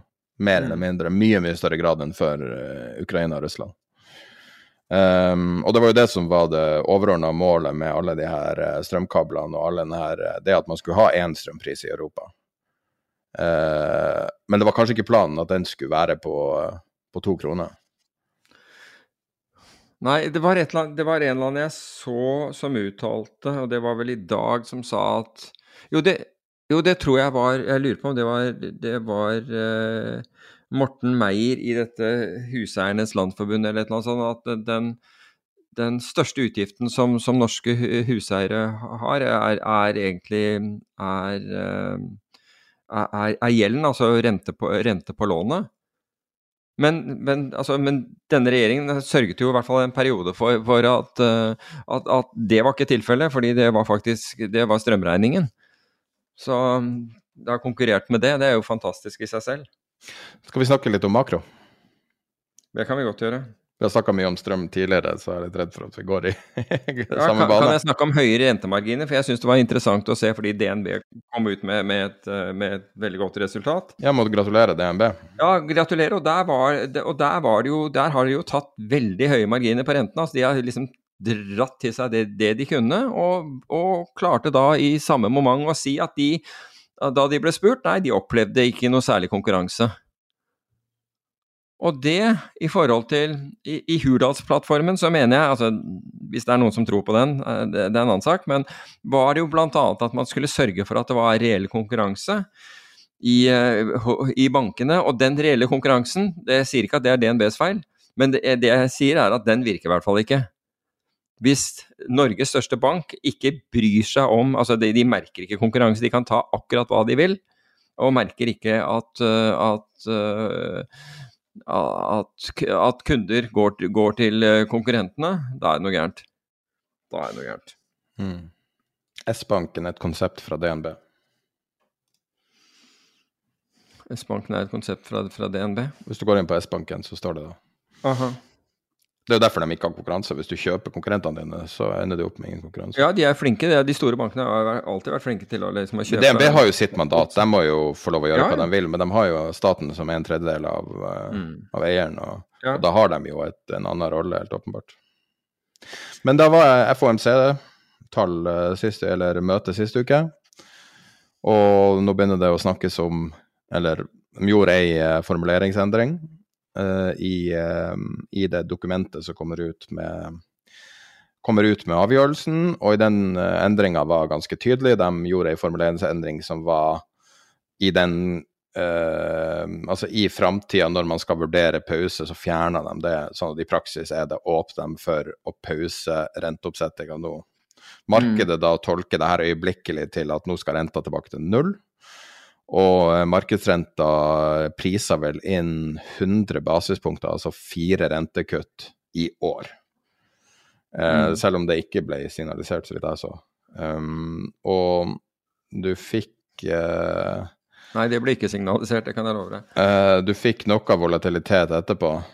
Mm. Uh, men vi er nå stort sett tilbake der vi var før møtet, og vi sitter litt med en sånn Jeg vet ikke, jeg, jeg sitter litt med, med flere spørsmål enn svar, egentlig, etter FAMC. Mm, Alt var sånn som vi forventa, og likevel er det uavklart. Hva, hva, hva ser du om uh, situasjonen akkurat nå i rentemarkedet? Nei, altså for, I forkant av det så hadde jo rentekurven forskjøvet seg eh, noe, ikke sant? Fra at man trodde at kuttene skulle komme tidligere, og de, har, de, de, de parallellforskjøv seg slik at det, det ville ta lengre tid. Og, så, men i, i kjølvannet av FOMC, eller dagen etter, så kommer det da veldig sterke arbeidsmarkedstall, eh, altså med, med nye jobber. Og det, etter all sannsynlighet, vil jo bidra til at du, at du opprettholder inflasjonen lenger.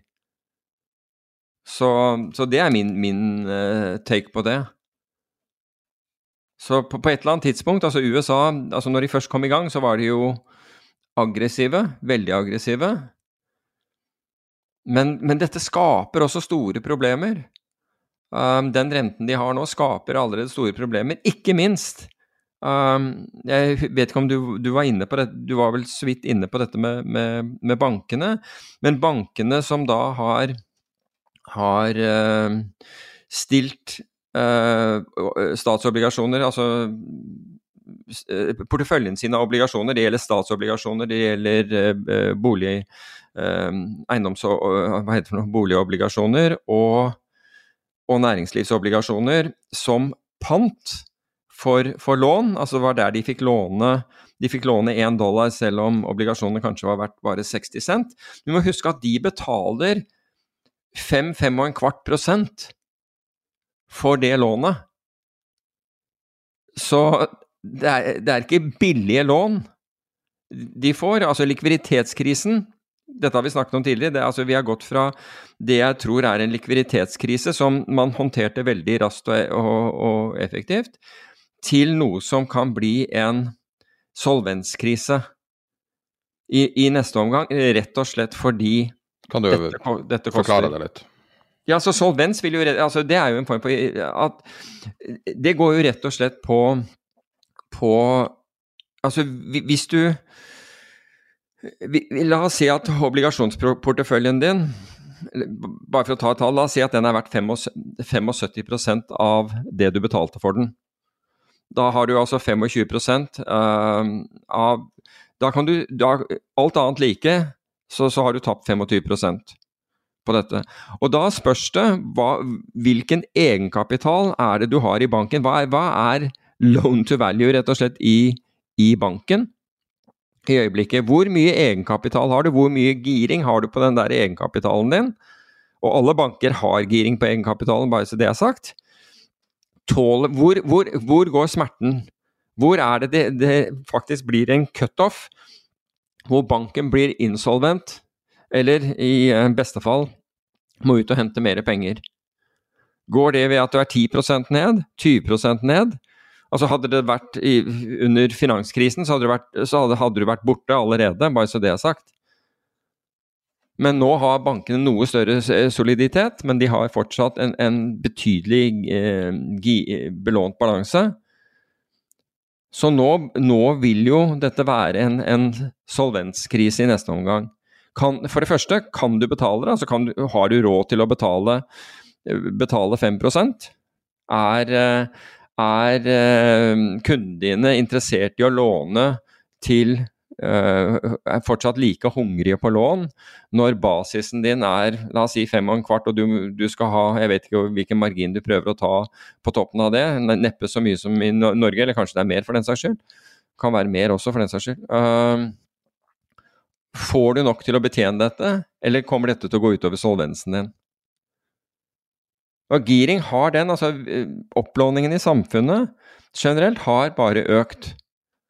Og det betyr at én ting var å betjene 5 eh, rente for, for 10 år siden, 15 år siden, da belåningsgraden var mye, mye lavere. Noe helt annet er å, er å betjene det nå. Og deri ligger solvensproblemet. Nå kommer det en melding. DNB setter opp renten på boliglån. Kunne ikke vært en bedre timing. Det vil si at de andre bankene kommer etter. Kan med innskudd, da? Nei, det er vel bare delvis, tenker jeg. Det er bare delvis.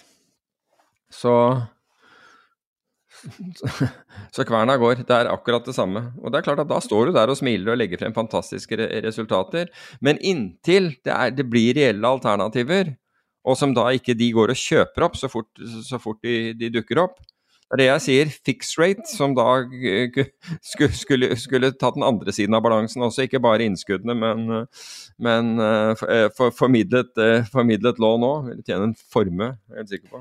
Spørs om bankene vil ha noe dele noe av omsetninga i lånemarkedet. Jeg tror det er såpass lukrativt at, at de ikke vil. Jo, jo, men hvis det er en, en, Altså, du har jo forskjellige websider og sånt. Jeg tror Forbrukerrådet har, har, en av dem, altså hvor de viser da hva, hva som er de beste eh, lånebetingelsene.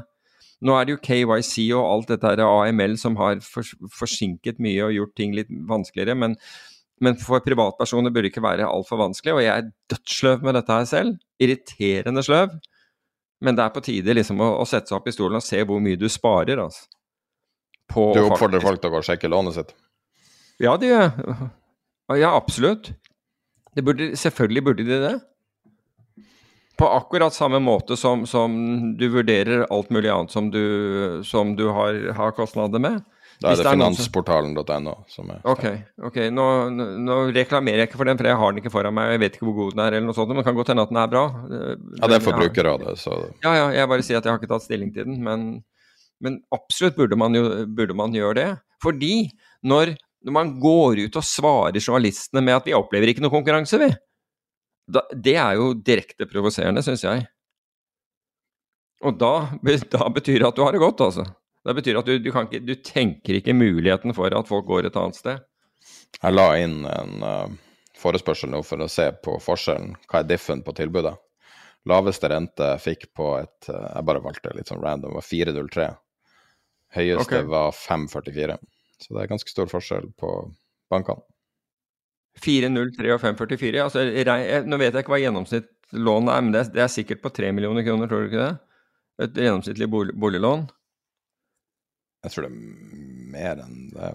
Kan godt hende, altså jeg er ikke veldig up to tune med dette, her, så det går sikkert an å, å finne ut. Men da kan, du, da kan du bare slå inn det beløpet, og se hva det utgjør i året. Altså, på den jeg, den jeg tok nå, så var forskjellen 2000 kroner i månedlige betalinger. Så.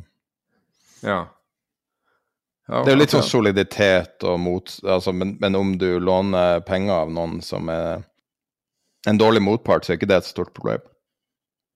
En dårlig motpart? Nei, ikke annet enn at Nei. Altså, du, må jo, du må jo selvfølgelig følge med på sånne ting som, uh, som uh, omkostninger og honorarer de kan, de kan, finne på å ta. da. Men uh, jeg vet ikke. Finanstilsynet har en boliglånundersøkelse. Jeg tror jeg legger med link til det i nyhetsbrevet. Jo, men da får du de her svarene. da får du de svarene som du lurer på, da. Hvor stor ja, Hører ikke noe, ser ikke noe. Jeg vet ikke noe. Ja.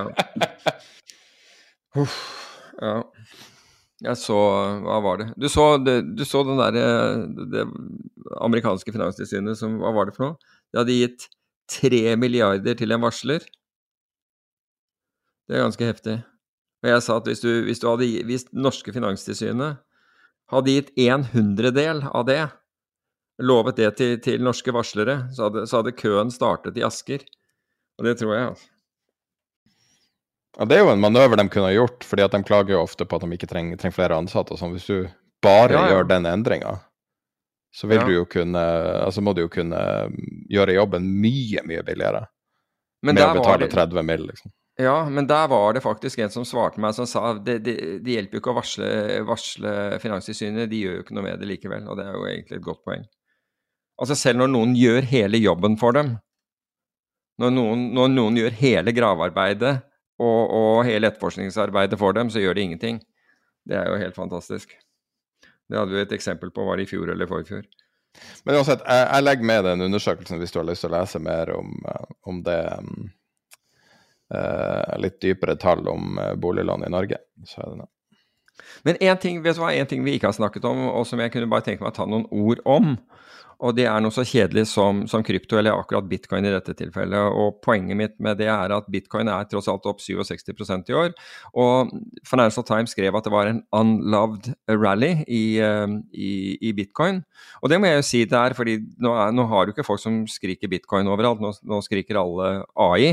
Nå er det kunstig intelligens uh, som gjelder, og det ser du jo at nå Kahoot skal bruke kunstig intelligens, Firi skal bruke Altså alle kaster seg på og bruker det derre det kan godt hende at de skal bruke det, bare, bare, så det er sagt, men dette så vi for fem år siden. Da skulle alle også bruke kunstig intelligens. Viste at ingen av dem hadde peiling på det. Men tilbake til, til dette med, med, med, bitcoin. Altså, den har tross alt steget 67% i år. Og hvis det er noe som har vært unloved og hatt problemer, så må det jo være så må det jo nettopp være kryptoverden og bitcoin. Og min take av det, altså når du tenker på Three Arrow-fondet som gikk nedover igjen, Stablecoin som, som gikk til helvete, ikke Gen Genesis, FTX ikke minst. Ja, men ikke, ikke minst. Og allikevel så har det klart seg. Og er opp, altså, da FTX gikk til helvete, og det var jo på, på sent i, i, fjor, mener jeg, men du kan si at det, det på det tidspunktet virket jo som dødsstøtet. Men så har liksom Altså, vi har steget mer enn 67 fra, fra, fra bunn, bare så, så, det er sagt. Men, men hittil i år så er det opp 67% Altså, det, det er noe robusthet i det, altså, syns jeg. Det er sant. Jeg er helt enig. Altså, rally i bitcoin er helt fantastisk. Men det endrer ikke eh, det grunnkritikken av kryptovaluta, som er manglende use case, manglende funksjonalitet på veldig mange, men noen av dem har etter hvert begynt å få det. Mens AI er ni måneder gammelt, og store IT-selskaper stopper å, ansette folk fordi de klarer å erstatte så mange eh, roller med kunstig intelligens der de kan ansette én person til å overvåke og justere koden, kontra 20 kodere. Sånn at eh, kanskje AI bare er en hype, men uh, de her store selskapene finner helt konkrete kostnadssparende use caser. Ja, bare, bare så det er sagt, jeg er ikke uenig med deg. Jeg er ikke uenig med deg at AI er fantastisk. Ikke i det hele tatt. Det eneste bare... AI og krypto har felles, er jo at uh, folk som hiver seg på hver trend, er på den trenden også. Ellers ja, er det jo ikke noe naturlig fellesskap. Hva er det overlappen der, liksom? Ja, altså, altså poenget mitt er at, at, jeg ser veldig mange av de samme som var sånn hysterisk også, som ble klin gærne hvis du sa et eller annet uh, negativt om, om, om, bitcoin. De nå bryr seg ikke i det hele tatt, de har flyttet til AI. Så, så det var liksom Altså, de var de erkebullers på, på, på, bitcoin, og det, ingenting annet gjaldt. Dette skulle til 100 000 dollar og videre derfra. Men nå, det, nå virker det som om 80-90% av dem har forlatt det området og kastet seg inn, i, inn på, på AI-bølgen. Og, og, og, du ser at AI-bølgen har blitt en sånn sak som, som den Altså, der må du være. Du må si noe om den. Du må absolutt øh, Altså, du, der, der altså Hvis du starter opp noe nå og ikke har AI i navnet, så, så da, da, vet du ikke hva du driver med. Da, da er du liksom he, helt off. Jeg sitter og gjør realtime research her for å finne ut om folk har hoppa den neste trenden. Selve syretesten på det er jo han James Altucher, eller jeg vet ikke hvordan jeg uttaler navnet hans. Uh, nei, han er en sånn person som uh, hopper fra trend til det. Men han snakker ikke om AI nå. Jeg går gjennom Twitteren hans, så jo, der er litt, litt. Du er sikker på han er i live? Fortsatt er i live? Jo da, han nevner meg litt her, men, men det virker ikke å ha tatt over livet hans. Men jeg ser jo nå, altså um, En del WC-er blant annet har jo tapt så sinnssykt mye troverdighet med å gå all in f.eks. på NFT-er. Så du har uh, en kar, uh, Kevin Rose. Han var jo virkelig stjerne, og han var så all in som noen kan være. Og jeg har hørt han har mista så vanvittig mye troverdighet. og liksom han er blitt litt sånn en nesten en vits av det, fordi at NFT-er er jo på en måte den, den verste delen av krypto. altså det, Den noe virkelig blitt avkledd. Der har ingenting kommet tilbake. Mm. I, I, tilfelle så er det bra. altså Det, det som er verdiløst, får, får liksom rett og slett forsvinne. Ja, altså krypto har jo hatt godt av det som har skjedd. Det har jo blitt litt sånn vaska opp i det. Ja, og så er det blitt så, såpass unloved, altså som uh, Jeg tror det var det uttrykket som, som Financial Times brukte, altså det unloved crypto rally som har vært. Altså, du har ikke liksom, du har ikke hypet og skriket og alt mulig sånn. Det, det, har skjedd uten at egentlig det har skapt for mye overskrifter og, og, og, og bølger. Da. Så det kan, altså, jeg tolker jo det til at det er mer hold i det nå enn en absolutt enn det var.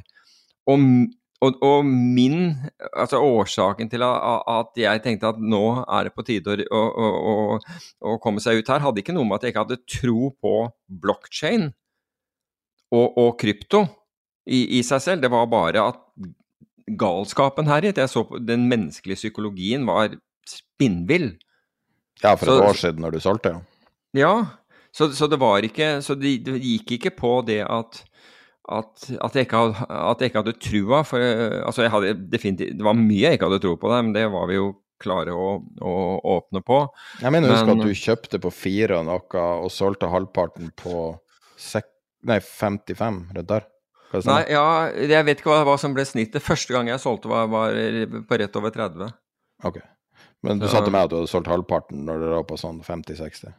Ja, det, det, det, siste gang var, var, på 60. Siste gang var på 60, men, men ja, Det er utrolig vanskelig. Dette er en sånn ting som uh, vi snakka så vidt om for et år eller to siden. Og jeg har tenkt på helt siden da. Det der med at ingen investorer noensinne er fornøyd. Og når du exiter investering, altså det hvor ting endrer seg, hvordan mindsetet endrer seg uh, når du opplever forskjellige ting.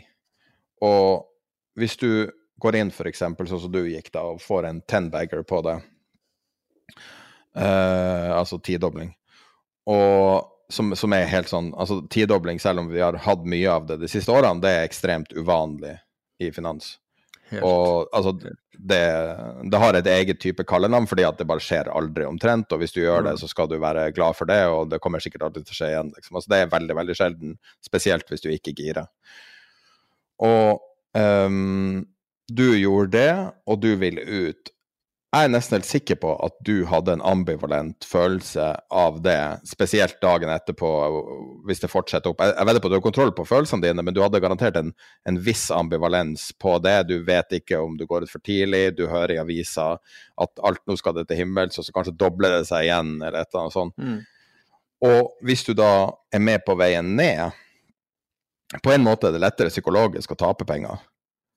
Eh, for da sitter du der bare og håper og prøver å rekalibrere, liksom. Ja, det er jo ikke lettere å tape penger. De, altså, det har det er psykologisk lettere. Når du tjener penger, så er det hele tida Skal jeg cashe ut? Hva går jeg glipp av? Også den grådigheten har jeg opplevd både med meg sjøl og andre forandrer så mye. Og eh, når du sitter og låser inn profit, høres jo veldig bra ut på et objektivt eh, måte, vurdering.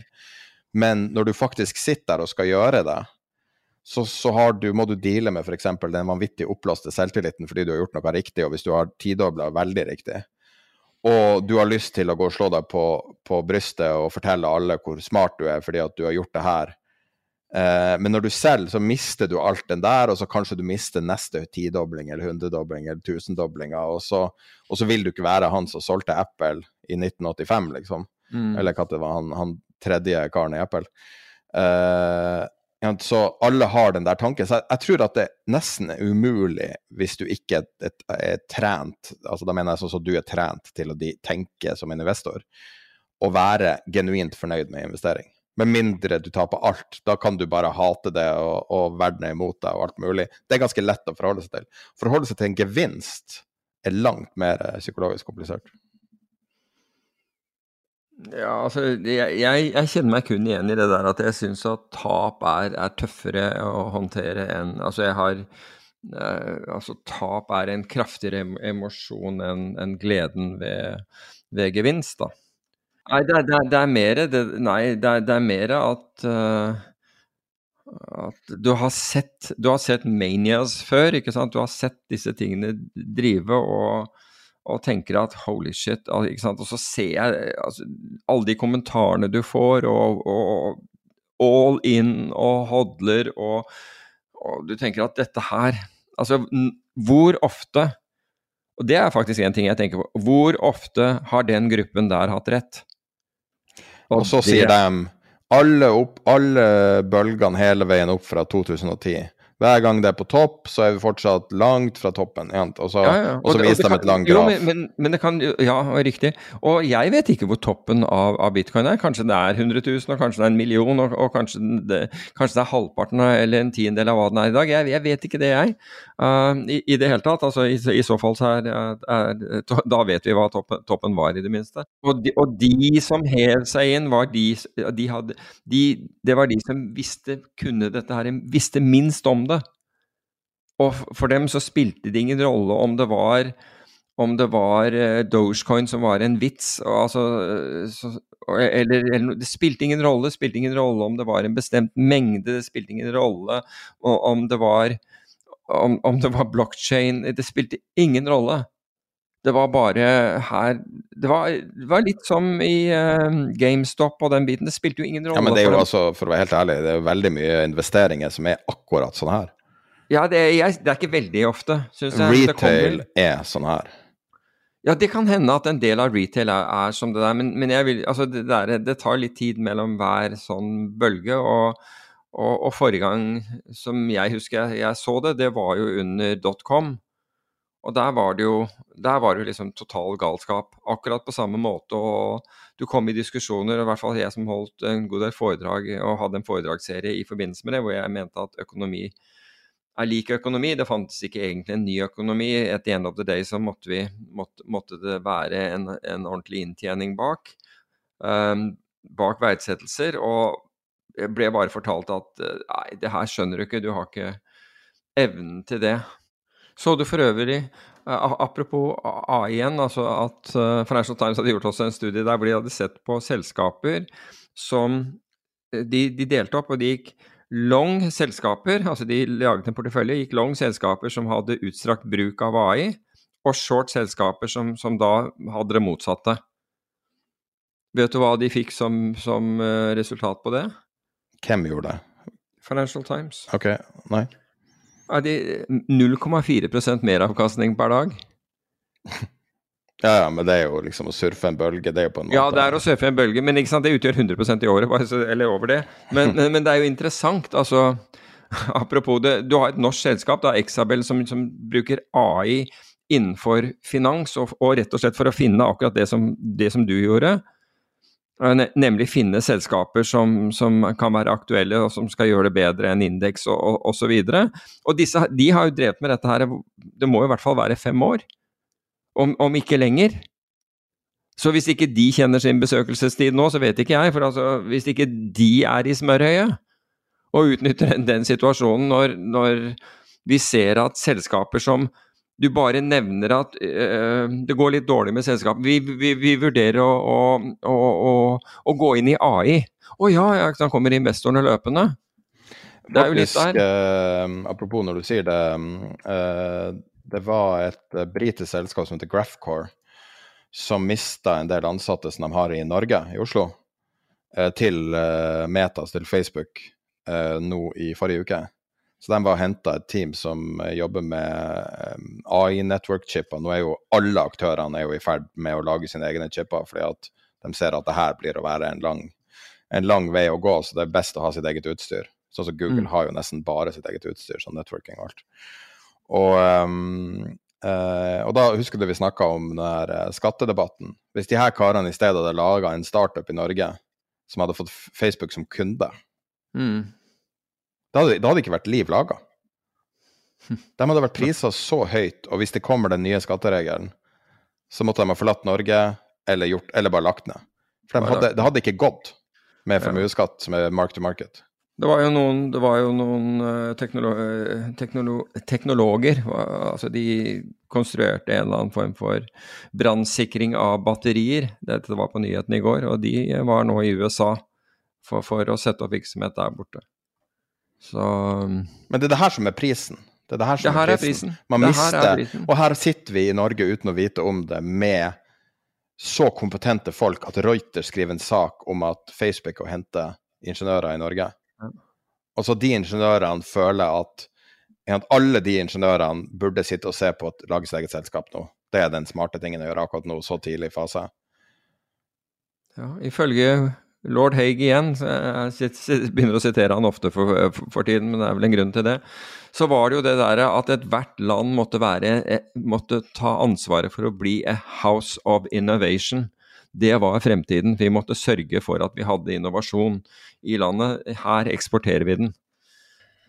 Jeg bare synes det var, det var trist å se, for Norge hadde Google før Google, da het det Fast. Mm. Norge hadde Nettby når Facebook var i startfasen. Det var jo bare rot og styr og dårlig håndtert fra A til Å. Ble bare lagt ned, liksom. Man hadde Facebook, og så har man da AI nå i denne sammenhengen. Eh, I 2000 var jo 50% av Oslo Børs var jo tech. Jeg tror ikke det er noe igjen. Jeg vet ikke om det er ett selskap igjen. Kanskje ett eller to. Wow. Alt skippa ut av landet. Ja. Og da altså I tillegg så har du liksom tvunget uh, investorer som virkelig vil investere i moderne og, og fremoverlent innovasjon. Altså Kjell Inge Røkke er nå i Sveits. Det er så tragisk, altså. Skapt Well mer done. arbeidsplasser enn noen nordmann i historien, og blir skjelt ut av politikere. Helt motbydelig. Ja. altså. Helt motbydelig. Det er en sånn teateralsk forestilling. Fantastisk. Må du virkelig synes at det er Ikke bare det, men er i tillegg en filantrop som har gitt til masse gode formål. Bare han sender ikke ut pressemelding, liksom. Bare han, nei, helt riktig. Bare han sender ikke ut, ut, øh, ut pre pressemeldinger. Har støttet opp om mange ting, og det er jo flere av disse her, her som har gjort, bare, bare så det er sagt. Nei da. De er de øh, vi skal de, de må vi kvitte oss med så fort som mulig. Nei. Sorry at jeg vinkla deg rett tilbake på det, men det, det er bare så påfallende når vi ser sånne talenter i Norge bare forsvinne ut til, til Meta, liksom, til Facebook. Mm. Hva syns du om at, at short Jim Cramer-ETF-en taper penger? Altså ned. Er den? Ja, S-Jim. Ned 1 Det visste jeg ikke. sin oppstart. Jøss. Det er litt overraskende. Han tar mye feil, altså. Hvordan er det mulig? Nei, det er jo vanskelig å altså For det første så er det jo lett å chairpicke når han tar galt. Hvis du bare går. Ja. Han snakker jo om nye selskaper 70 ganger om dagen, så ja, ok. og, Nei, det, jeg visste ikke at den var ned. Jeg, jeg mente at jeg hørte at den var opp, men det, det, da er det Det var litt igjen, opp også etter oppstart. Også. Yes. Men det er jo veldig mye. altså Her er det snakk om å se dokumentasjonen. ikke sant? Mm. Hvordan gjennomfører de faktisk de investeringene? Når gjør de det? Helt sånn teknisk, det kan være veldig utslagsgivende. Ja, det, det er mulig. Ja, ja. Ellers så var det en AI som lagde mRNA-vaksine som er bedre enn enn de vaksinene man har. Oi. Er den blitt testet også? Mm, Det var Nature som skrev om det, så det er vel okay. altså det er jo en ha, publikasjon. har- publikasjon. Ok, den har kanskje ikke FDA approval enda. Det er jo spennende, det òg. Nå begynner vi å nærme oss uh, åpning på Wall Street i dag, og Ja, og, og neste episode i morgen. Helvete. neste episode er Kan ikke du fortelle om den podkasten du har hørt på? Kan vi runde av med det? To-tre minutter. Å ja, den avhørt, ja. Ja, jeg har lyst til å høre på den. Ja, den, eh, altså den de laget eh, en Altså avhørt det, er, det er blant annet sønnen til en av Norges mest kjente politimenn gjennom tidene, tror jeg, Leif A. Lier. Um, Stein Morten Lier som, som har den. altså Det det er flere om, om å, å lage den der, en ordentlig redaksjon, men i hvert fall de hadde da gransket en tidligere politimann i Kongsberg, både når han var, øh, jobbet i politiet og etter. Og dette er en fyr som da har 23 anmeldelser mot seg for alle mulige forhold. Og alle er blitt henlagt. Noen er blitt henlagt samme dag som de ble, som, som de ble levert inn. Ikke blitt etterforsket i det hele tatt. Um, og det er og de intervjuer folk, de intervjuer folk som har jobbet for han, og som, som har hatt med han å gjøre, og hele greia. Han har drevet et helsehus hvor, eh, hvor eh, ikke, eh, ikke helsearbeidere har liksom har håndtert stillinger som, som krever kompetanse. Det er, det er bare ting på ting. Er det her samme sted som den voldsepisoden skjedde? Det er jo Kongsberg. Ja, riktig. Oh my god! Jo, og så i tillegg så, så, så, Det forsøker de så prøver de da å få en uttalelse, nettopp fordi eh, altså, de, man har da ikke etterforsket han til tross for alle disse, disse, disse anmeldelsene. Så prøver man å få, få politisjefen i tale der. Han er ikke interessert i å uttale seg i det hele tatt. Du får jo bare en eller annen sånn PR-person som, eh, som uttaler seg. Men så, på toppen av det hele, så skjer jo denne her, den, så kommer denne voldsvideoen.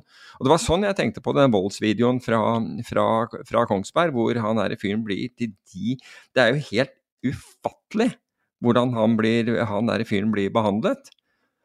Uh, og, og en annen politimann sletter videoen, men så er de ikke klar over at denne bensinstasjonen hvor dette foregår, har en video selv. Alle har sikkert sett den, for det har gått mye i, media.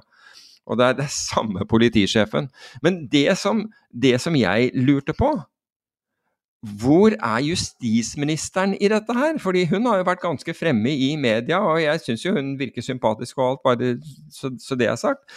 Og er absolutt en av de bedre i regjeringen. Men hvorfor er det ingen som har prøvd å få henne i tale på dette her? Fordi hvis dette her er liksom gigantisk eh, eh, skandale for, eh, for eh, politiet, så, så ville jo tro at hun ville være interessert i at denne saken ble etterforsket, og at dette ble, ble, ble ryddet opp i.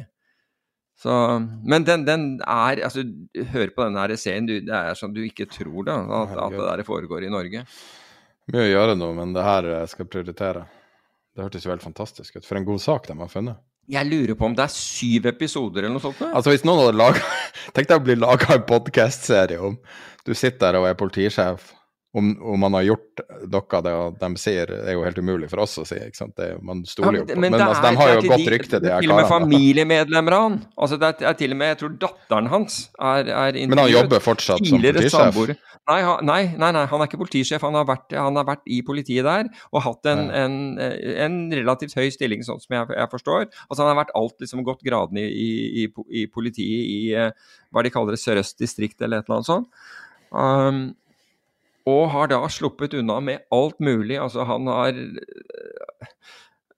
Det er liksom skattesvikt. Det er hele, hele regla altså, av, ting. Og så er, som sagt, 23 anmeldelser har, har blitt Og, og da, sluttet, da sluttet folk å levere inn anmeldelser. De så, Ja, men altså, det er jo farlig å anmelde en person som misbruker makt, så det skjønner jeg veldig Ja, godt. ja, men, men de an, anmelder denne, denne personen. Men, men altså, man har da visst at han har vært anmeldt mange ganger, men politiet bryr seg ikke om det. Og flere sier helt klart at han, hadde, han, han må ha hatt noe på, på, på ledelsen der, slik at de, han ikke Ja, det sier det. Det er ikke du som sier det, det sier de i Nei, podcasten. det, det sies ja, det, det, Ja, Alt for dette her si kommer fra sånt. Nei, jeg gjør ikke det. Det er reklame for en annen podkast vi har ingenting med å gjøre.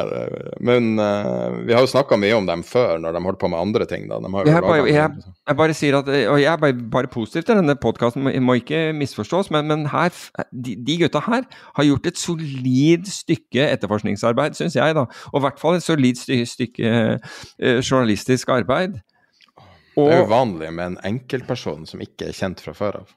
Det er ikke vanlig, altså. Da må det være ganske ille. ja. Altså, hør på det selv. Altså, det er, som sagt, jeg tror det er syv episoder av dette her. Jeg tror, jeg, jeg tror den tingen som menneske sånn generelt eh, De sier jo at den første tingen du lærer deg når du er barn, er rettferdighet. Altså unger, selv bitte små unger, forstår rettferdighet hvis den ene får mer enn den andre og intuitivt hater det. Altså urettferdigheter. Sånn, ja. Eh, jeg tror også maktmisbruk er sånn som trigger folk som ingenting annet. Det er jo ikke så rart heller, da. Ja, men tror du ikke det? Sånn det kulmi- Jo, det tror jeg. Og det kulminerer med denne her, denne her videoen som er liksom Hjelpe meg. Um, det hadde vært litt ålreit om noen hadde konfrontert justisministeren med det, å høre hva hun hadde å si. fordi jeg kan ikke tenke meg annet enn at her må det, her må det en granskning til. altså. Og da tror, da, da, da tror jeg det går, blir, blir tynt i rekkene i sørøst. altså. Det kunne ha vært et sånn eget sånn reality-konsept, det der med å Ja, mulig. Mulig. Sorry, jeg klarer ikke å. Nei. Yes, to minutter, to, to minutter til Du har jo fått eh, tilbud om reality-TV sånn. Nei, man må ikke si ja. Det er sant. Det er sant. On, and on that note And on that note. Vi er tilbake i morgen. Fortsett å grue meg. Så blir vi ferdig med den faenskapen. Så Yes, ehm, ha et fint døgn. Og en fin uke. ja. Og så eh, Jeg tror vi har, eh, vi har noen vanvittige ting lina opp for Patron framover. Eh, både ekstraepisoder i morgen, men også andre ting. Så vi får se. Vi får se. Det blir spennende. Ha en flott uke.